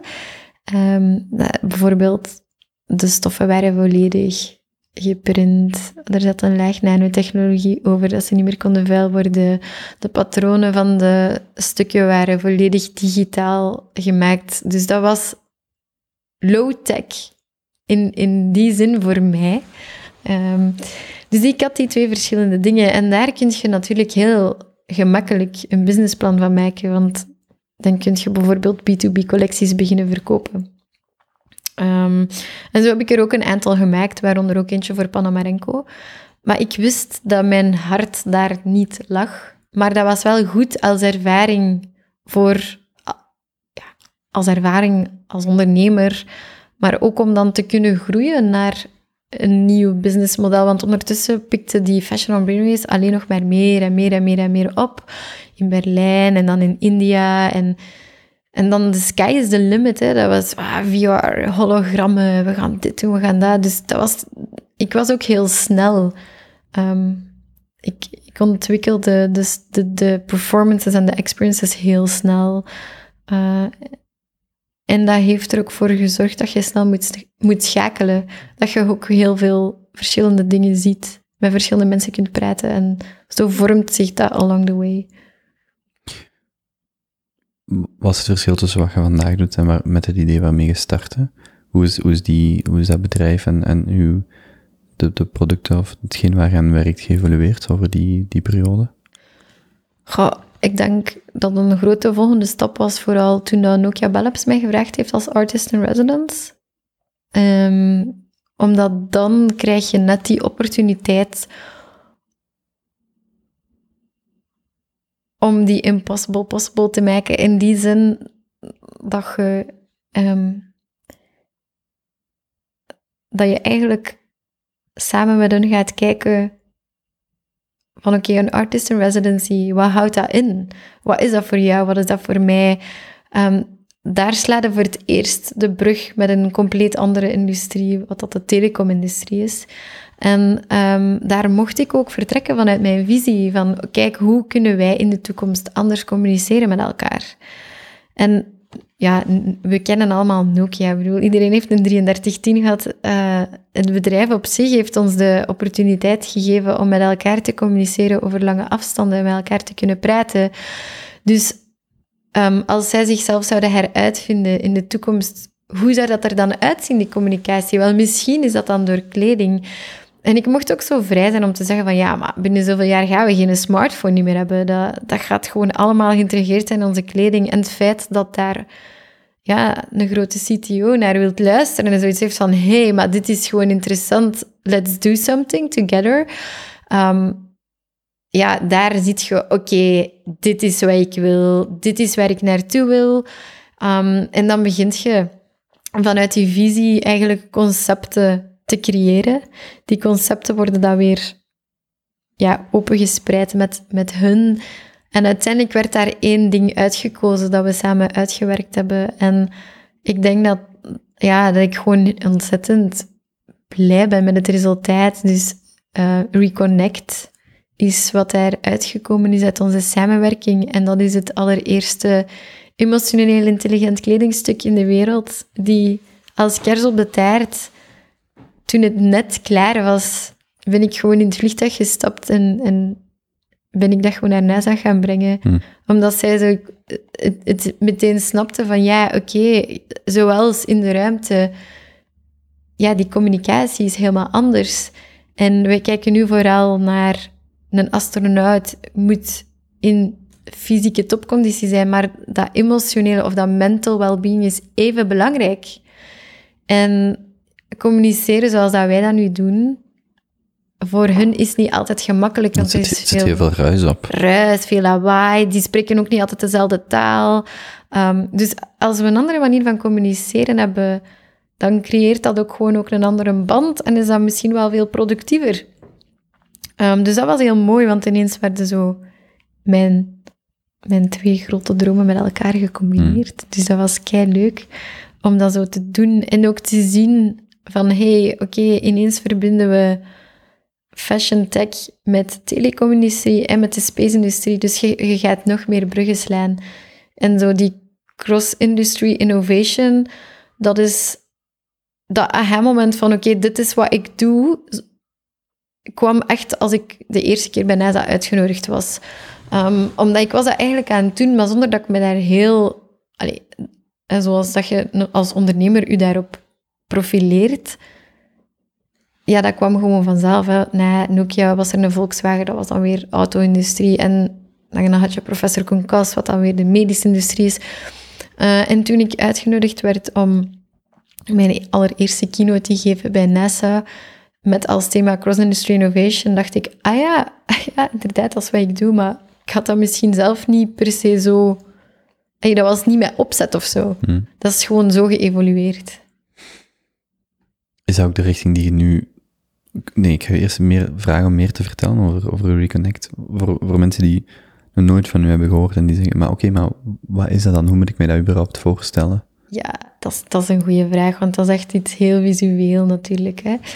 Dus Reconnect bestaat uit verschillende lagen. Je hebt... Um, dus eerst en vooral misschien gewoon, hoezo emotioneel intelligent? Wel, dat kledingstuk, daar zit een heel, heel, heel, heel klein microfoontje in. En dat microfoontje capteert je stemgeluid. Je stemgeluid gaat naar software die in de cloud zit. En die software die kan real-time eigenlijk identificeren in welke emotionele staat dat je bent. Dat kan gelukkig zijn, verdrietig, kalm, neutraal of kwaad. Nu, dat kledingstuk weet dus, ah, de Koben is kwaad. Oké. Wat doet dat kledingstuk dan? Daarop reageren op twee verschillende manieren. Visueel en alles wat dat voelbaar is. Dus qua touch, of men noemt dat ook haptic. Haptic feedback is alles wat dat voelbaar is. Ehm, dus visueel bijvoorbeeld, als jij kwaad zou zijn komen, dan ehm, gaat jouw nek helemaal rood oplichten. En heel, hoe kwaader dat jij wordt, hoe meer dat dat zo alarmerend rood gaat pinken. En dan rond je nek en op je borst zitten er soft robotica. Die, dat zijn, je zou dat kunnen vergelijken als zwellichaampjes, die volledig opzwellen. Dus eh, rond je nek word jij zo mooi, zo helemaal... Uh, zodanig dat je geen dingen meer kunt zeggen waar dat je later spijt van krijgt. hè, Want dat doen we wel vaak als we kwijt zijn. En daar zitten dan ook nog eens ehm, vibratiemotoren in. Die dus afgestemd zijn op heel specifieke frequenties. Wat dan natuurlijk ook wel heel wat onderzoek geweest is. En zo hebben we bijvoorbeeld achterhaald dat als je ehm, bepaalde frequenties op je sleutelbenen, eh, ja, als er in een bepaalde frequentie trillingen zijn op jouw sleutelbenen, dan imiteert dat het gevoel alsof je vlinders in je buik hebt. Dus dat kledingstuk gaat jou eigenlijk bewust maken eh, over in welke emotionele staat dat je zelf bent door eh, jouw ja, haptische en visuele feedback te geven. In eerste instantie voor jezelf, maar ook voor de andere persoon. Want ik zou kunnen zeggen, oh, de kopen is kwaad. Oké, nu, nu ben ik een brug te ver. Het is genoeg geweest. Nu, nu moet ik echt even zwijgen. Ehm, en ja, mijn doel daarmee is natuurlijk om emoties te gaan transfereren. Hè? Dat, dat ik dat gewoon naar jou kan sturen nu en dat je dat ook kunt voelen. In plaats dat we emojis of woorden of foto's gebruiken, waarom zouden we niet gewoon onze emoties naar elkaar kunnen versturen, dat we het gewoon kunnen voelen? Haptisch.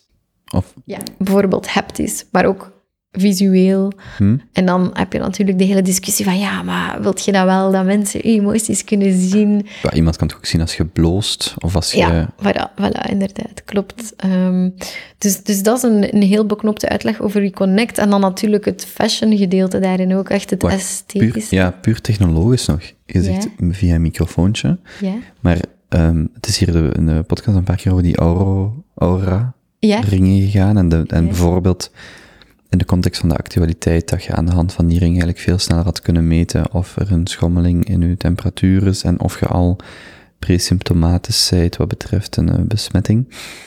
Zit er behalve die, welke technologie zit er behalve die, ehm, en dan bedoel ik technologie om te meten, Ja. behalve die microfoon nog iets in? Wel, ehm, de microfoon is de input. Dus dit is nu wel even meer technisch. Eh uw telefoon is uw input, is uw sensor als het ware. Uw sensor gaat data verzamelen. De microcontroller, hè, dus kleine Arduino's of dergelijke, om het dan heel technisch te verwoorden. Dat is een soort van kleine computer die in het kledingstuk zit. Die gaat die data capteren. Dus die krijgt al die cijfertjes binnen. Want data is cijfers dat is geconnecteerd met het internet, waardoor dat software dat in de cloud zit kan zeggen, oké, we hebben drie parameters en aan de hand van die drie parameters weten wij welke emotionele staat dat je bent.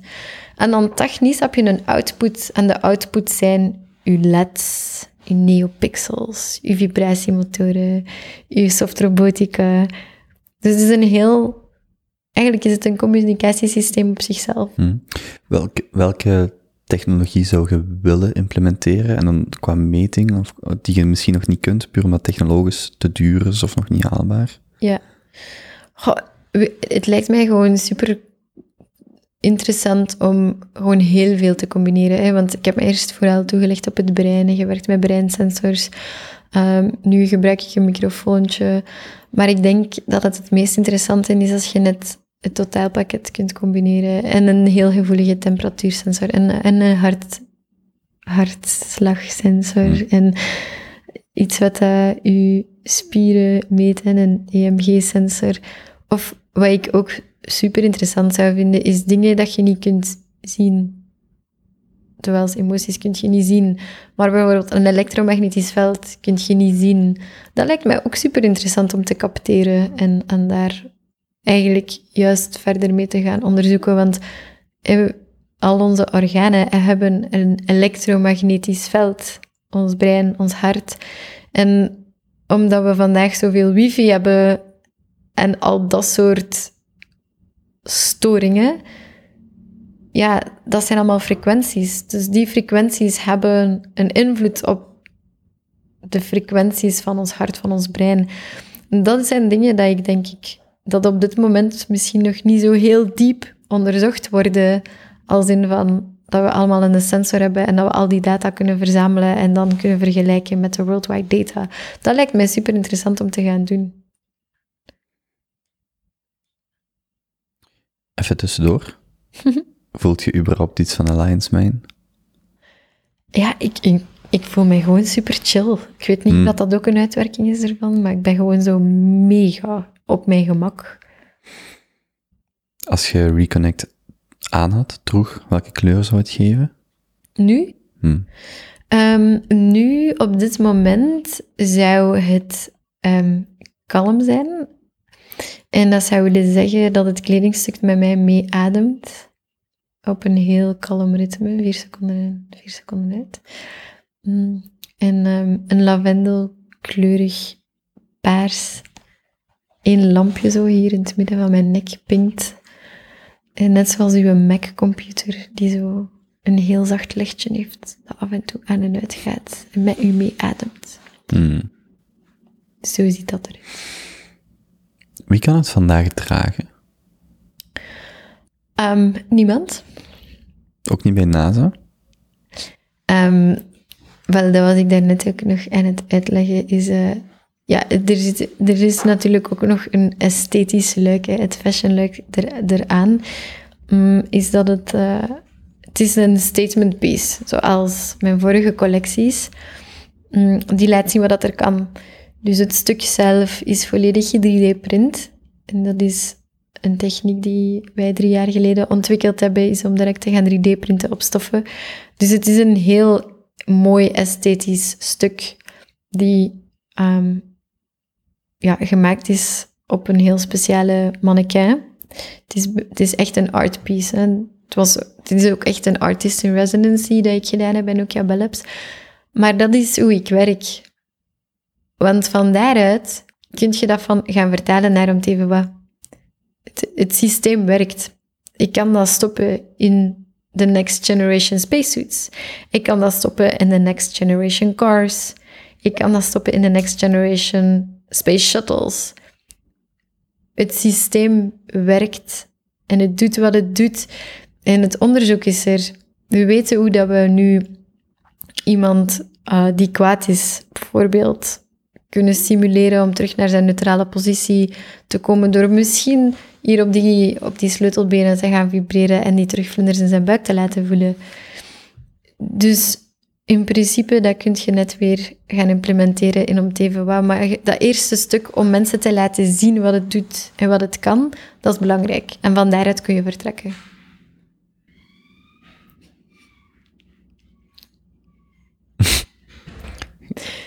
Misschien een goed momentje om even...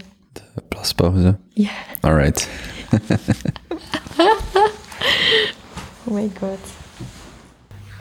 Ah, je hebt de groetjes van Justine. Ah.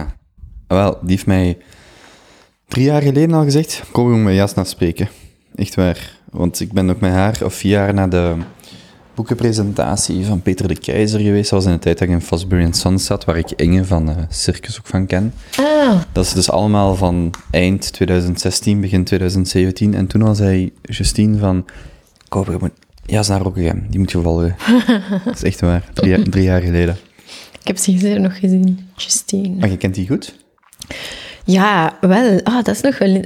Ja, we hebben... Wacht, mag ik hier on the record over vragen? Ja, ja. Oké, we zijn terug na de plaspauze. Ik heb trouwens heel hard moeten lachen, want ik hoorde u lachen in het toilet. Ik hoorde u ineens zo... En ik zo... Uh, zo lach jij niet, maar je lacht. En ik zo... Oké, dat is de eerste keer dat iemand luidop in de lach schiet in het toilet. Ik vond dat heel grappig. Maar ja, er hangen ook gewoon kei grappige tekstjes in uw, in uw toilet. Dus dat was ook, dat was ook echt grappig. En een tekstje van uw mama. Dat is niet cool. Of misschien net wel. Of misschien net wel. Maar het was heel grappig om u te horen lachen. Ik stond hier aan het raam. het is zo ver weg en zo ineens lachen. Ik zo... Oh. En dan wil je natuurlijk altijd weten wat er gebeurt. Hè. Als mensen lachen, word je altijd nieuwsgierig. Je zei iets van eh, Justine. Ja, ik zei Kobe, je hebt de groetjes van Justine. Ehm, die zag ik gisteren nog. Want af en toe komen wij zo met een paar vrouwen samen. We zijn met vier, zo vier ambitieuze powermadammen. En eh, Justine is daar een van. Hm. Wat doen jullie dan, als jullie samenkomen? Heel veel lachen, heel veel plezier hebben. ehm, maar vooral ook ja, over van alles praten. Van onze businesses en elkaar advies geven tot... ehm, ja, tot... eh, Oké, wat is onze next goal? Vorig jaar zijn we samen naar South by Southwest geweest. Hm. Mhm. Dus dat was de eerste goal. Oké, we meeten daar volgend jaar. Sowieso, iedereen zoekt zijn eigen way in. En eh, dan hadden we samen een huisje gehuurd. Dat was super fun. Eh, heel tof. Maar dat is niet louter business. Dat is ook... Dat is niet louter een businessclubje. Nee, dat is niet louter een vier. businessclub. Ja, dat is ook niet, niets officieels of zo. Hmm. Dat maakt het ook zo leuk. Eh, Kaart, we- kaarten jullie ook? Ja, nee, dat hebben we niet gedaan. Maar we hebben onszelf wel B-Tech Fem Cartel genoemd. Eh, omdat we vinden ook gewoon dat vrouwen elkaar meer moeten empoweren. Eh, want vrouwen staan ervoor bekend om juist meer jaloers te zijn op elkaar. En neer te kijken op elkaar in plaats van elkaar te empoweren. En dat vinden we alle vier super belangrijk. ik probeer dat ook echt door te trekken in, in mijn werk. Ehm, dus met een van de vier, Jantja Braakman, eh zij heeft Impact Shakers opgericht. Dat is, zij werkt echt met impact entrepreneurs. Dus echt super interessant. Trouwens, ook echt wel een tip om te volgen. Mhm. Die doen ook vaak toffe online events. En zij was ook mee naar Portugal. Ehm, en ja, met haar heb ik ook echt wel van die heel bijzondere momenten in mijn leven ervaren. Ehm, zoals, eh, ja, we, moesten we hadden het daar gisteren nog over. Ehm, zo dat moment waarop dat je je volgende aha-moment krijgt van oké, oh my god, ik wil gewoon naar de ruimte. Dat, is, dat is mijn volgende moonshot. Ik wil gewoon naar de maan. Ehm, en dat is zo echt dat exacte moment waarin dat mij dat echt zo te binnen viel, om het zo te zeggen, was, was met haar. En eigenlijk ook een beetje uitgelokt door haar. Dus dat, dat, ja, dat is gewoon zo uniek. Dat, dat schept natuurlijk een speciale band die de, voor de rest van je leven ja, gewoon altijd gaat hebben. Hè. Ja, ik, ik, kwam, ik kwam net toen ehm, van mijn eerste keer van bij NASA, dat zat dan in Houston, ehm, ben ik doorgevlogen naar New York. Daar woonde zij dan en eh, zij werkte ook voor mij als, of werkte ook voor mij als eh, COO. En eh, toen dat ze, ze zei toen van, ja, oké, nu dat je dat gedaan hebt, ja, what, what's the next thing, weet wel? En we zaten op een, een opening van Samsung in zo'n een, ja, een pop-up event met zo'n bekende rapper. Want ja, je zit in het midden van New York, dus daar is het een soort feestje net ander. En eh, ik weet nog dat ik daar zat, zo op de trapjes met zo met glaasje. en Zo. Ik zeg, Jontja, ik weet het. Mijn volgende moonshot is gewoon naar de moon gaan. Ik wil gewoon naar de maan. Dat is wat ik wil doen. En ze zei, ja, oké, het is goed. Dan gaan we dat doen, hè. Voilà. Dat is ons volgende doel. Ik zeg, oké, top. En ja, dat, dat is echt zo een speciaal moment. Eigenlijk nu donderdag gaan we, gaan we een hele grote space shoot doen. eh, voor, een, ja, voor een interview met Blovie magazine. Ehm, dus ja, sinds dan is dat zo'n milestone. En nu ja, blijven we daar naartoe werken, hè, sowieso. Wat moet er gebeuren voordat je daar staat? Mm, ja, wat moeten wat moeten we doen om naar de maan te gaan? Wel, je hebt sowieso een training nodig, een spaceship nodig, een crew nodig, veel geld nodig. Of je kunt ook gewoon samenwerken. Hè? Ehm, Elon Musk heeft zijn eerste tickets verkocht aan de Japanse miljardair Yusaku Maezawa. Dat is ook nog eens een kunstliefhebber en een kunstcollector. En ehm, die heeft gezegd van, kijk, we gaan de Dear Moon Project oprichten. En eh, de eerste tickets, ik denk dat er een stuk of zeven of acht zijn. Maar hij wilde ook een vriendinnetje meenemen, net natuurlijk. Ik snap dat wel, dat is het meest romantische dag toch kunt doen kopen. Allee, stel je voor dat je op date kunt in de ruimte. Hoe vet is dat? Wel, zit er zes man op te kijken. Want je zit met zes of zeven in die shuttle. Ja, inderdaad. Ik weet niet hoe romantisch dat is. Ja, wel, dat is Maar- de vraag. Inderdaad. Je hebt een punt. Eh, ja, en de andere tickets zijn dus voor eh, creatievelingen, wat ik gewoon geniaal vind, omdat ik denk dat je daar gewoon een heel andere outcome uit krijgt. Is dat Eh, een publieke wedstrijd of zo? goh, wedstrijd, ja, was het Ja, of... Wel, ik, het is niet echt een publieke wedstrijd. Daar is wel een website en, en daar zijn Dat is niet gelijk de. X-Prize, maar dan voor zes. Ja, nee. Hmm. Nee, ik, zij selecteren zelf mensen. Dus een van de manieren waarop ik daar zou geraken zou kunnen zijn van... Oké, kent er iemand die nu aan het luisteren is, Yuzaku Maizawa, en kan die, die even bellen om te zeggen dat wij, eh, Hmm. ja, dat wij even wel een meeting willen plannen en eh, dan laten zien wat we allemaal van plan zijn met de ruimte. Want ja, oké, het is niet gewoon... Ik wil niet gewoon naar de maan omdat dat cool is, ehm, maar omdat ik mij echt wel van bewust ben of overtuigd ben dat dat u als persoon echt wel verandert. En omdat ik natuurlijk niets liever zou doen als eh, de, stukken waar we daar net over gepraat hebben, die emotioneel intelligente kledingstukken, eigenlijk integreren in de next generation spacesuits en dan zelf in aan hebben tijdens de hele ervaring. En dan eh, tegelijkertijd een tweede of meerdere stukken die op de aarde blijven, om dan te pionieren in interplanetary communication. Dus dat, je, dat de mensen hier kunnen meevoelen wat het, hoe het voelt om zo'n reis door de ruimte te maken. Zit je dan ook te denken aan dingen, dus niet volledig al naar de maan, maar gelijk eh, Virgin eh, eh, Virgin Galactic. Galactic en, en, en wat is het allemaal, om, Ja. om daar een test mee te doen? Ja, dat, dat zou echt super zijn om daar gewoon even eerst een test mee te kunnen doen. Die, eh, die chairman van Virgin Galactic, Shamat, ik kan zijn achternaam niet uitspreken, ehm, die is heel bereikbaar op Twitter. Ah, Misschien eh tweetjes sturen en zeggen, hey, als je deze emotioneel intelligente kledij wilt testen, plus één, I'm in. inderdaad. Het is echt, het is echt Eh, super bereikbaar. Allee, ja, goed. Maar dat is een super goede tip. Misschien, eh, Hmm. misschien kunnen we dat proberen. Doen we zo Engelse subtitles op deze podcast en sturen we die ook mee? Dat krijgt hem wel niet. Ja, nee, oké. nee, dat, is van blijft u. wel, ja. Dat is van u. Dat is, dat is niet om te barteren, dat is, dat is fixed. Dus oké, naar de maan. Hoe ziet die training eruit? Kun je dat in Noorderwijk doen? Sorry? Die training om naar de maan te gaan? Ehm Ah, kun je dat Noorderwijk doen? in Noordwijk. Of Noordwijk? Ja. Wel, het is super cool omdat ehm, de tweede keer dat ik naar NASA geweest ben in Houston, eh, Houston staat voor alles wat de, de human of de astronaut of het menselijke is. Ehm, en ik heb daar ook de kans gehad om echt in de labs eh, te gaan. Dus ik heb met al die verschillende mensen die daar werken, met alle ingenieurs kunnen praten. En ik heb daar ook al een korte space training gekregen.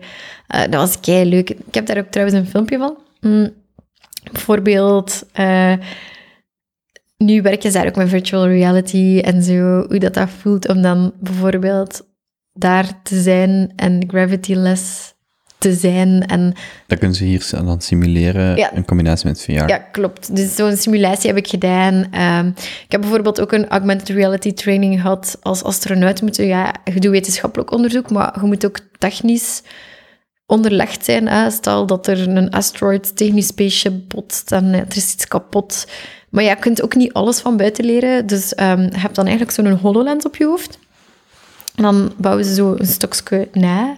En dan krijg je gewoon die HoloLens op je hoofd. En dan moet je eigenlijk alle instructies volgen om een stok te repareren of te vervangen. Ehm, dat is super... Allee, dat heb ik dus bijvoorbeeld ook, ook gedaan. Ehm, en wat dat ze daar ook doen, is ze hebben daar gewoon het grootste zwembad ever. Dat is echt huge. Maar dan bouwen ze gewoon het Space Station na in het zwembad, omdat dat dichtstbij Om die zijn is. gewichtloosheid te, Ja. te, na te bootsen. Ja, dus alle astronauten krijgen ook daar training. Ehm, en toen ik daar was en dat zag, dacht ik, wauw, oh my god, dat is gewoon, wauw, dat is echt wel het grootste zwembad, dat, zwembad dat ik ooit gezien heb. Dat is echt super wijs. Maar dat was wel zo een klik in mijn hoofd, dat was 18 november, van oké, ik wil nog mijn duikersbrevet halen voor het einde van het jaar, want ik moet dat gewoon kunnen. Eh, dus ja, dat brengt weer zo andere dingen teweeg en je leert weer nieuwe skills Hm. die je, ja, waar dat je misschien in eerste instantie gewoon niet aan denkt, maar waarvan dat je dan wel beseft dat het gewoon kei belangrijk is. Wat ik daar straks al dacht, als je aan het uitleggen waart, ehm, en nu opnieuw, wanneer het gaat over technologie dat geïntegreerd wordt, als ik daar straks zei van, mode of een kledingstuk is het vehikel.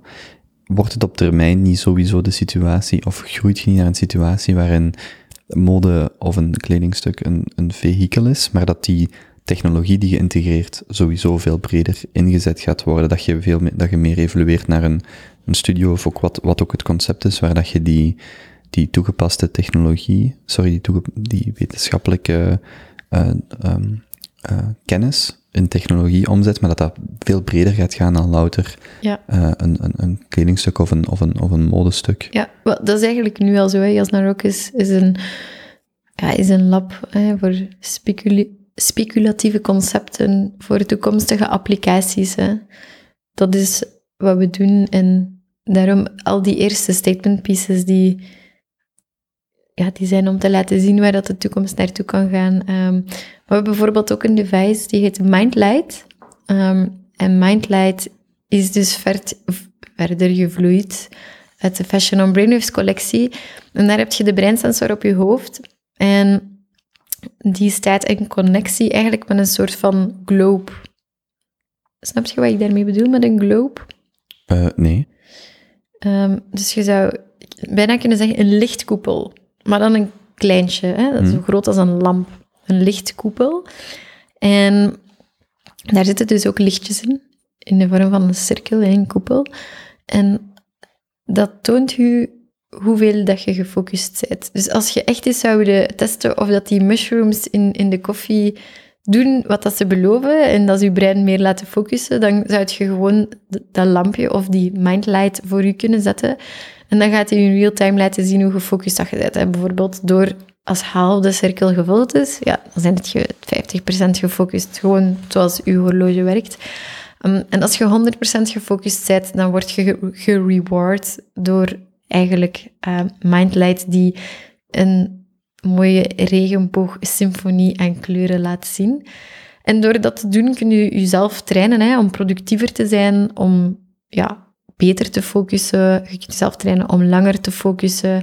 En dat zou je dan weer, je kunt je dan weer koppelen aan allerlei andere dingen, want de laatste uh, technologie zit daarin, waardoor dat je dat heel gemakkelijk met Bluetooth en met wifi kunt connecten. Dus eigenlijk alles wat dat internet connected is, kun je daar aanhangen. Je Philips Lights, je Spotify, je Netflix zouden daar aan kunnen koppelen. Um, dus dat is echt zo meer een praktisch voorbeeld van iets wat daaruit vloeit. Je kunt dan nog verder natuurlijk gaan doortrekken naar, oké, okay, misschien kunnen we dat gebruiken om te communiceren met kindjes die autistisch zijn. Hè? Van, oké, okay, nee, nu ben ik niet bereikbaar, of nu wel. Um, maar mensen met ADHD bijvoorbeeld, om hun brein zo te trainen in plaats van met medicatie te werken. Dus dat zijn allemaal mogelijke toepassingen daarvoor. Ik denk ook vooral hoe dat ik dat mijn partner zou kunnen gebruiken. Ja. Allee, ja, toekomstige partner. Zo van, hm, nu, zo, de grap dat je zo, had ik maar een afstandsbediening voor mijn partner, zodat ik die kan stilzetten, zo, zoiets. die kan trainen. Oké, okay, sorry, flauw op je. um, mm, want ja, want terug naar die vraag, dat gaat toch in de toekomst, neem ik aan, gaat het daar nog meer in evolueren, dat je, dat je toepassingen gaat maken die misschien weggaan van, het, van uh, louter kleding, maar veel meer een, uh, heel die wire gaan opentrekken van wat zijn nog allemaal applicaties waar dat we die emotionele intelligentie kunnen integreren, of waar dat we dat kunnen integreren met, met technologie in, in, in andere vormen, zoals bijvoorbeeld uh, die, die um, daar ligt of die globe. Ja. ja, dat klopt. Nee, dat is ook echt zo. En als je dan denkt aan de ruimte, uh, ja, waarom enkel het ruimtepak? Misschien is wel heel de space shuttle in, in uh, ambient light. Hmm. Uh, en waar zij ook moeten slapen, bijvoorbeeld. dus ik, je kunt het ook op auto's. Ja, ik was bijvoorbeeld ook aan het ja. denken, als je een auto adaptief kunt maken in de, op de manier dat je bijvoorbeeld niet in slaap valt of minder snel of veel duidelijkere in, in, um, uh, um, duidelijkere signalen krijgt of wat dan ook, wat het, wat u, niet louter een privatieve auto rijden, maar weet ik veel, er zijn er zoveel applicaties van, die, waar je bepaalde technologie kunt integreren, waar dat, of een, een straaljagers, alleen want een auto, daar, daar wordt allemaal zelf rijden, maar bijvoorbeeld een straaljager, en die setting, setting kan je me toch voorstellen dat er heel wat, heel wat mogelijkheden zijn daarbinnen. Allee, Ja, en ja. ik ken er niks van, ik kan me, probeer me dat gewoon voor te stellen. Tuurlijk, en ook die mensen hebben net heel veel focus nodig. Hè? Dus je zou ook net daar in, in de stoelen bijvoorbeeld buzzers kunnen steken als je ziet, oké, die focus dropt, dat je, of Hmm. dat je andere st- stimulerende factoren zo gebruikt om, om dat terug aan te wenden. Heb je Avengers gezien? De welke? Eh, de, de laatste, waar, wel, ik moet even gewoon dat vragen, want anders ga ik spijt dat ik dat niet gedaan heb. Waar dat Tony Stark zo'n nanosuit he- heeft. Ik wil eigenlijk gewoon weten hoe ver zijn we daar vanaf, van zoiets. Dus die trekt zo uit zijn horloge of whatever, doet hij ineens zo'n nanosuit aan. Ah, Dat is zo super cool, hè? Ja, dat is mega, mega wijs. Ik weet, eh, als ik studeerde, eh, moesten wij een stageplek zoeken. En dan was er een of andere gekke scientist die al een soort van spray ontwikkeld had. Dat als je daar iemand mee insprayt, dat dan uiteindelijk textiel werd. Ja, ik wou daar kei graag stage lopen. Ik bedoel dat er textiel op die persoon komt. Ja, Ah, dus moest ik je nu insprayen, dan... Hmm. Ehm, maar ja, daar heb ik nooit meer iets van gehoord. Dus. Maar ja, hoe ver zijn we daarvan af? Ja, tijd, tijd is een raar beestje. Ik kan daar geen tijd op plakken, maar Het is wel realistisch. Dat type dingen zijn niet louter onhaalbaar. Maar niets is realistisch. Ik bedoel, als we nu terugkijken naar de films van Star Trek, Scotty beam me up. I mean, we all have a smartphone right now. ja, wat is onrealistisch? Ik denk dat niet. Als je kijkt, 50 jaar geleden zijn we voor het eerst op de maan geland. In 50 jaar tijd, wat er allemaal al niet ge- gebeurd is, wat er allemaal al niet ontwikkeld geweest is. Het gaat absurd snel eigenlijk. Ehm, en ik denk dat, dat er ook altijd dingen zijn die je niet kunt voorspellen. Hè? Zo gelijk de coronavirus gaat ook een enorme impact hebben op hoe dat we leven, wie dat we zijn. Gaan we misschien nog rond de aarde vliegen? Gaan we er misschien niet gewoon doorreizen, alle Hyperloop? Wat gaan we daar nog allemaal ontdekken? Wat was er nog in de aarde dat we misschien niet weten aan grondstoffen of dergelijke? Nu, natuurlijk, allez, mijn droom is om voor ik sterf de one garment that rules them all te kunnen creëren, die al die functionaliteiten heeft en die als een soort van wit eh, painters canvas is, dat iedere persoon zelf of individu zelf kan samenstellen. Oké, ik, ik wil een horloge die, waar dat mijn suit direct aan is. Ik wil dat het water repellent is, dat het antiviral is, dat het eh, emotioneel intelligent is. Ja, dat je dat gewoon allemaal in één stuk hebt zitten. Doet je iets binnen extreme sport? Bijvoorbeeld, ik denk een triatleet. Is dat niet, ik, ik, en het kan volledig fout zitten, maar iets waar dat je, waar dat dan net eh, op een verschillende, en dat is geen, niet per se extreme, sp- allee, extreem extreem, maar een situatie waarin dat je die technologie, waar je all-out kunt gaan, want daar gaat het om sportprestaties. Ja. Eh, z- Zit je daar überhaupt mee? Ehm, Ik kan me voorstellen dat een, dat een, een, een, eh, ja, een stukje kleding, allee, of, of dat wat die atleet draagt op dat moment adaptief is, in de zin van ben ik aan het zwemmen, ben ik aan het fietsen, ben ik aan het lopen, en dat er daar allerlei nog technologie aan de hand eh, bij komt kijken. Is dat, is dat iets waar jullie mee bezig zijn? Hm. Twee soorten antwoorden zijn hier om op te geven. Eén, ehm, dat zal nog wel op termijn naar ons toe komen. Want het is raar om te zeggen, maar al de dingen die nu... Al de samenwerkingen die er nu geweest zijn, die zijn naar mij toegekomen. NASA heeft mij gecontacteerd. Nokia, ziet je? Ehm, en bijvoorbeeld nu met Elise, dat is een operazangeres, omdat in opera, opera is een empathiemachine. Opera dient net om emoties te transfereren. En dat is net wat ik zelf zo interessant vind. Nog interessanter dan te gaan kijken naar een eh, fysieke optimalisatie, wat dat je bij extreme sporten hebt. Maar in dusverre een astronaut, ja, dat is een extreme sport. Als je ziet hoe lang dat je daarvoor moet trainen. Ehm, maar dan, dan nog, ik denk dat dat wel komt, maar nu voor mij, op dit moment, is dat niet waar ik mij op wil focussen. Omdat ik net zo geïnteresseerd ben in de emo- emotionele intelligentie. Waar hebben we wel al over gepraat? We hebben wel al gepraat met, met coaches in de sport van, kijk, ongeacht welke extreme of niet-extreme sport dat je doet, maar denk aan de Olympische Spelen. Van over heel de wereld vliegen ze de beste sporters in bepaalde discipline in. Maar wat zorgt er nu voor dat persoon A of B wint? Want die zijn allemaal in fysieke topconditie. En ehm, de feedback dat we daaruit kregen was, ja, dat is, daar, daar speelt het mentale stuk ook een grote rol. Wel, net daarom dat het misschien zo interessant is om op dat mentale te gaan focussen. Want dat is iets dat je moeilijk tastbaar kunt maken. Hm, Alle Googles en, en Forbes, McKinsey, Washington Post, iedereen schrijft over empathie is the skill of the future. Als je valuable wilt zijn in de toekomst en wil een goede job hebben, zorg dan dat je emotioneel intelligent bent. Oké, ja, dat, dat, is, dat is top dat we dat kunnen herkennen. Maar hoe kunnen we dat dan trainen? Hoe kunnen we dat oefenen? Wat, wat houdt dat dan in? Vrouwen die hebben eigenlijk geluk op dat vlak. Hm, Want World Economic Forum heeft eh, twee, drie jaar geleden een report uitgebracht die, waarin dat ze aantonen dat vrouwen die moeder zijn, dat die gewoon veel empathischer zijn. Omdat een kind krijgen en opvoeden, ja, dat, dat traint dat gewoon. Maar mannen kunnen, kunnen dat niet. Die kunnen geen kinderen krijgen. Dus wat, wat, kun je daar dan mee doen? En hoe kun je dat dan oefenen? En dan bijvoorbeeld Opera en Brainwaves, het nieuwe project waar we nu mee bezig zijn, dat gaat dus een opera-stuk zijn. En gewoon door daarnaar te kijken en daarvan te genieten, zeiden dat gewoon al automatisch aan het trainen. Dus dat is, dat is wat dat mij super hard interesseert. Eh, vandaar dat ik waarschijnlijk ook nog niet echt de vraag gekregen heb van, van een topatleet of topsporter. Omdat dat gewoon nu niet aan de orde is. Maar het is tuurlijk toepasbaar op alles in ons leven.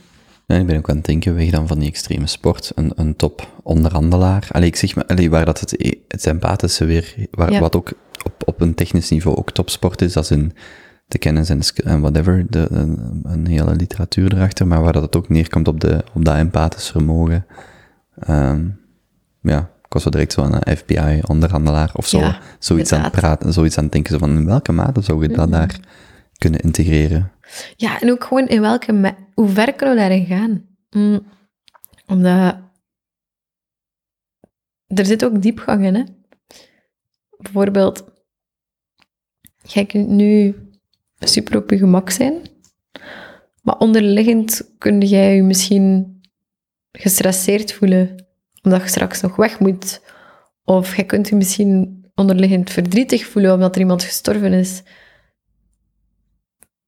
Dus je hebt, je, hebt een, je hebt een heel breed waaier en hoe dat je je voelt en hoe dat je daarmee omgaat. En een gelaagdheid. Ja, vertel verder. En dat is net zo interessant om daar misschien nieuwe dingen te gaan ontdekken. Zoals? Ja, dat, dat weet ik nog niet, hè. Hm, hm. Ah ja, het is niet dat je een concrete hypothese hebt van hm, dat zo. Goh, ja, ik, ik ben wel theoretisch aan het... Allee, de theorie is aan het browsen en... ehm, je gaat natuurlijk zelf verschillende veronderstellingen maken. En daar vind ik het net zo handig om die fashion tech pieces als een research tool te gaan inschakelen of te gebruiken. Ja, dat, dat, is, dat is soms gek, maar dat is net de omgekeerde wereld. Hm. Mm, En daar komen dus soms ook dingen uit waarvan dat je het niet wist of niet gedacht had, of gewoon door toeval zelf, dat je iets ontdekt en dat je denkt, wow, oké, dit is, wauw, ja. Wat zijn dingen waar jij nog naar uitkijkt, behalve de maanlanding die er sowieso aankomt? De, de mijntocht. De maantocht. Ah, ja. ja, ik zou het super cool vinden om, eh, als ik naar de maan vlieg, een, een, eh, ook samen te werken, bijvoorbeeld met Lady Gaga en het eerste concert in Space te doen. Ehm, op dat idee kwam ik ook tijdens de corona. Toen heeft Lady Gaga een heel groot concert gegeven, waar onze minister Alexander de Croo ook onderdeel van was. Dat was ook kei leuk. maar ook zo, ja, die ervaring is toch helemaal anders als je op een schermpje moet kijken of als je echt daar staat en die artiest zelfs kunt voelen. En dat vind ik ook gewoon heel leuk, is ja, als jij bijvoorbeeld op podium staat te zingen of een grote artiest staat te zingen en we kunnen in de outfit van de artiest in, in heel de decor de emoties zien terwijl dat hij performt. Ja, elk, elk optreden is dan sowieso anders, want het zijn momentopnames. Maar dat moet echt... Allee, met ons als publiek doet dat iets met ons. Dat is gewoon nog intiemer, nog intenser. Maar ook the other way around. Stel dat de performer kan zien wat dat zij of hij gewoon met ons doet. Welke impact dat dat heeft op ons. En dat je zo eigenlijk een hele nieuwe wisselwerking creëert. We, we kennen allemaal het beeld van de Night of the Proms, waar dat iedereen zo dat lichtje opsteekt en zo doet. Maar ineens krijgt dat een, een nieuwe ja, gelaagdheid. Eh, dat is iets waar dat ik enorm naar uitkijk en echt nog wil meemaken en zelf wil creëren. doet mij denken aan, er is zo'n zalige subreddit, eh Data is Beautiful, en er zijn, er zijn zo gasten die bijvoorbeeld, heeft er nauwelijks mee te maken, maar ik vind dat grappig, die hebben een hartslagmeter aangedaan, dat Ja. zo elke minuut, elke minuut meent, in de 24 uur dat ze bijvoorbeeld hun vriendin ten huwelijk hebben gevraagd. En dan plotten ze dat op 24 uur, en dan zie je ook, oké, hier ben ik de ring gaan ophalen. Dan heb ik haar meegenomen naar daar. Want eh, je ziet dus echt die pieken in die, in die grafiek. En dan zo, oké, hier wou ik het vragen, maar ik durfde niet. En dat, dat leggen ze dan achteraf uit. En dan zit je echt zo die harten zo pssst, omhoog. En dan zo, ja, hier heb ik het gevraagd. En dan zo, gewoon een visualisatie van die data. En dat is, ja. Ja. dat is zo cool. Ik, dat, allee, dat is zo cool om te zien. Echt zo, top, top, top, zo. En je ziet dat ook bijvoorbeeld wanneer je eh, decibels gaat visualiseren in een voetbalstadion of zo. Allee, dat zijn, dat zijn gewoon extra vormen van informatie waar je dan echt ziet, oké, hier is een goal gemaakt, hier was de ontlading, hier was het zo... Allee, en dat zijn zo, om, om, om dat punt bij te zetten, kracht bij te zetten van, er, zijn dingen die wij niet waarnemen, of die wij op een andere manier waarnemen, en eens dat je die visualiseert, of eens dat je die van het, het, het ontastbare naar het tastbare maakt, of het zichtbare, of het waarneembare, dan zeg je ineens, ah, maar dat is zo cool om dat ook op die manier te zien. En gelijk die, bij die visualisering van een hartslag, dat is maar iets zeer simpels, maar dat is zo van, ah ja, juist, zo, zo kun je ook een, een huwelijk, of een huwelijksaanzoek, ehm, het verhaal van, ah, daarachter vertellen, of dat meer nuance of context geven, of zoiets. Super, dat is echt fantastisch. Ja, dat is geweldig. Wel, dat is misschien dat is ook een van de dingen waar ik nog naar uitkijk, is om te trouwen. Ehm, ik heb mijn vriend een huwelijk gevraagd in Mexico vorig jaar. Ah, oké. Ja, ik had geen hartslagmeter aan, jammer. Heb jij een eh, eh, verlovingsring aan? Ik, ik heb hem ten huwelijk gevraagd. Maar koop je ook geen ring voor jezelf? Nee, Allee? Echt? nee, nee maar dat, dat is zo standaard. Oké. Dus hij draagt wel een ring. Ehm, nee, hij heeft ook geen ring. Ik heb dat gewoon echt intuïtief gevraagd. Oké. Ehm, het voelde het juist. Ik heb wel een parelketting. Dus ik heb wel... Ja, is wat. Ehm, dat is een, een verhaal op zichzelf. Dus daar kijk ik, eh, daar kijk ik enorm naar uit. Eh, en ook wanneer dat we dat terug mogen oppikken met de hele corona. En ja, ik ben verliefd geworden op Portugal. Hè. Ik, we, we hadden het daar net ook over verteld. Dus ehm, ja, ik wil eigenlijk zo snel mogelijk terug naar daar. En eh, ik overweeg zelf ook om daar ja, misschien wel gewoon op twee plekken te wonen. Mm. Eentje daar en eentje hier. En daar eh, ja, volledig gewoon in de natuur lekker te kunnen... Zou ik daar trouwen? Ja, ik, eh, ik heb een unieke plek gevonden daar. Dat, Mm. dat speelt inderdaad op dit moment ook eh, in, mijn, in mijn hoofd. Ah, nee, in ons hoofd. Eh, we hebben daar een zeer, zeer, zeer mooie plek gevonden. En het lijkt ons zo heerlijk om onze dichte kring mee op vakantie te kunnen nemen. En zoals dat jij het mooi zegt, Kobe, mee in onze wereld Hm. te kunnen ja, ontvoeren, maar op, op de meest positieve zin van het woord. Want een huwelijk is ook zo, ja, oké, ah, zaterdag trouwt er iemand dan zo... Ja, dat is niet echt iemand volledig meenemen in uw wereld. No way, mijn huwelijk wordt sowieso meerdaags. Dat wordt niet een feest, feest. Allee, ik wil ook, maar dat wordt zo echt... Zorg maar dat je vier dagen vrij hebt, of zo. Mhm. Allee, zo. Ja, klopt wel. Zoiets heb ik nu ook gedacht. Dat je kunt dan een pre-party op het strand geven in Lagos, ergens aan een private beach. En dan, eh, ik heb een heel mooi observatorium gevonden. Een half uurtje reden daarvan. En dan hebben we een zeer unieke plek nog in een vallei, eh, in de bergen daar, om zo ja, dat lijkt mij fantastisch. Altijd gewoon weer in de Algarve. Ja. Toch 11 van de 12 maanden. ik zeg het, ik vind Portugal echt een van mijn... Het leukste land in Europa, toekoer. Bu allee, buiten als ik eh, reis. Gewoon omdat dat zo'n combinatie heeft van zo... En ik moet ook wel zeggen, ik ben biased omdat ik in Brazilië heb gewoond en de taal spreek. Dus dat is wel dat is een voordeel Dat als ik naar zijn. Portugal ga. Eh, fun fact, het, dialect is daar wel zeer anders. Ja, klopt. En de eerste keer dat ik met mijn toenmalige vriendin, eh, dus de eerste keer dat ik naar Portugal ging, dat was met mijn toenmalige vriendin, denk ik, zei ik zo van, nee, dat was de tweede of de derde keer, maar ik zei zo, ja, ja, maar ik kan met die gasten praten, geen probleem. En we stappen, ons vliegtuig had vertragen, we komen daar zo om half twee s'nachts aan, er was geen metro meer, van de luchthaven van Lissabon. En ik had daar zo gezegd, ja, zo semi-cool, zo van, ja, ik kan daar wel mee praten. En we stappen een taxi in, en ik versta daar echt nul de kloten van. Maar je moet je dat voorstellen, je leert Vlaams, in Vlaams-Brabant, Limburg, Antwerpen, en je komt dan echt in Putteke West-Vlaanderen Ja. af, en dan zeg je, nee, nee, ik kan Vlaams. Ja, ja, totdat je in West-Vlaanderen zit. Zo dat, dat equivalent was. Ja. Zo van, ja, ik kan Portugees en dan met een, een, een, een- een taxichauffeur. Uiteindelijk is dat wel gelukt, en nu, met de jaren heen, is mijn accent meer Portugees dan, dan Braziliaans. Maar ik vind dat, ik zeg, ik vind Portugal een, ehm, zalig land, zalige combinatie. Ik was eh, vorige week, ik weet niet of je Anthony Bourdain, de kok, eh allee, de overleden kok, dus een paar jaar geleden heeft hij zelfmoord gepleegd, maar was zo'n vrij bekende kok met een, met een programma. Die heeft ook een aflevering van Porto. Ehm, super interessant, dat is zo tien jaar geleden, zo oudere videostijl. Maar super leuk om te zien en, en zo de combinatie van zowel traditie, familiale traditie, als niet de, het is niet echt een arm land, maar het is een land wat met, met, niet veel resources heeft gedaan. Dus zo, ik vind dat sowieso culinair vrij rijk, maar ook de, de verscheidenheid in dat land. En ik, ik vind er, ja, superveel. Ik, ik, ik vind het een zalig land om, eh, om tijd te spenderen. Ja. Ja, het is superleuk dat je vertelt over jouw ervaringen, want je hebt ook heel unieke wandeltochten gemaakt eh, die mensen nu niet zomaar nadoen. Hm. Dus eh, je spreekt ook echt allee, vanuit een, eh, een heel ander perspectief en dat is, dat is ook mooi, Kobe, dat, dat je die dingen zo ervaart.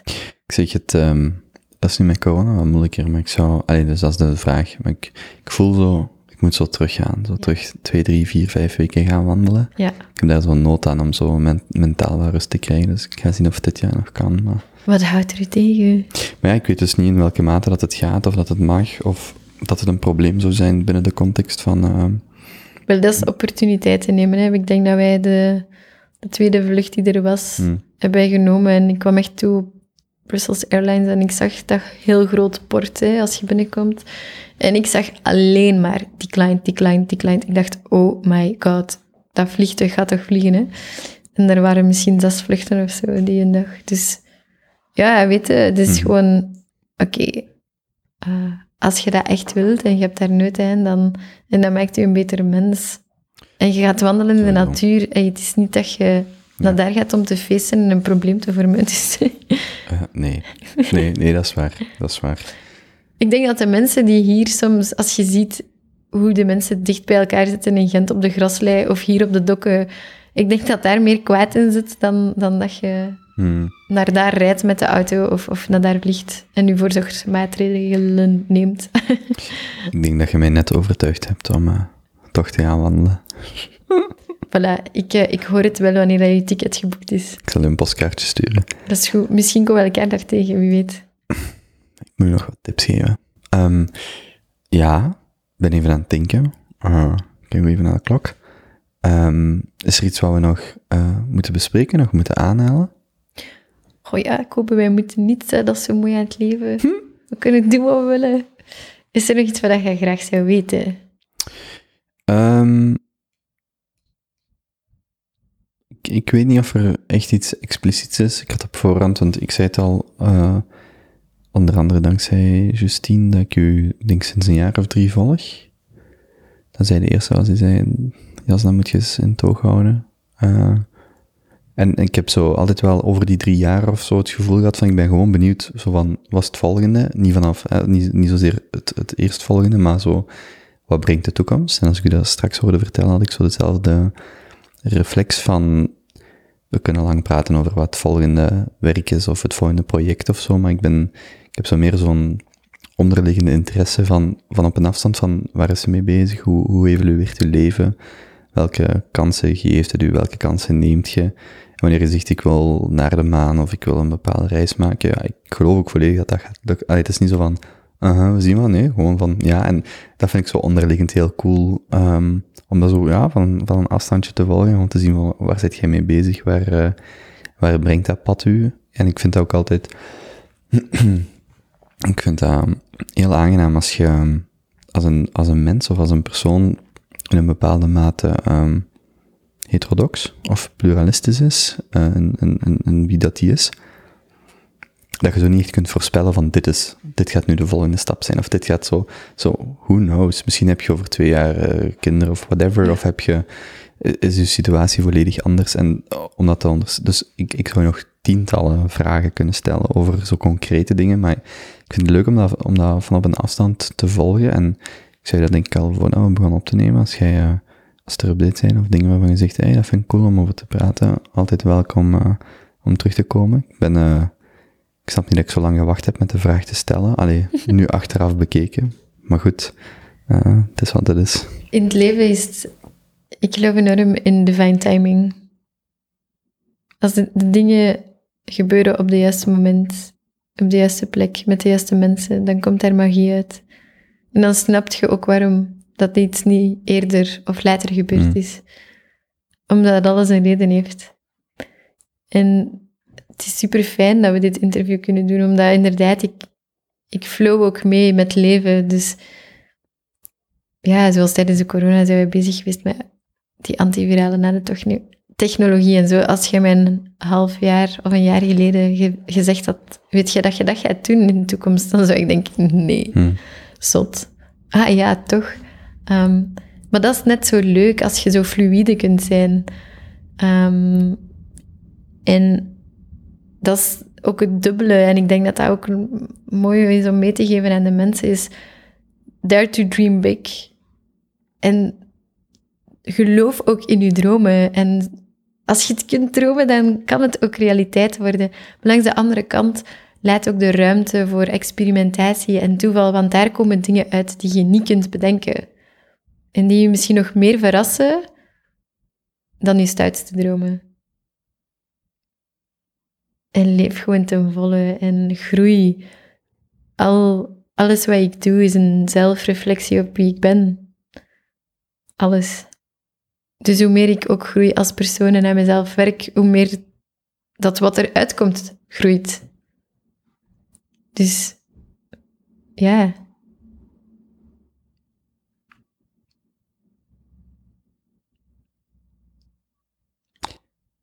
Die noot, dank u wel om tot hier te komen. En eh, ik wens u zeer veel succes in wat de toekomst brengt. En eh, ik zeg het, ik volg het graag eh, van dichterbij of van verder weg. Ik vind het sowieso enorm spannend om gewoon te zien wat, wat de toekomst u brengt.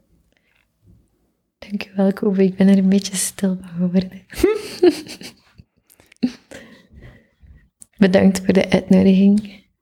En bedankt voor de antivirale nano eh, spray. Dank u. Graag gedaan. Let's keep everybody safe.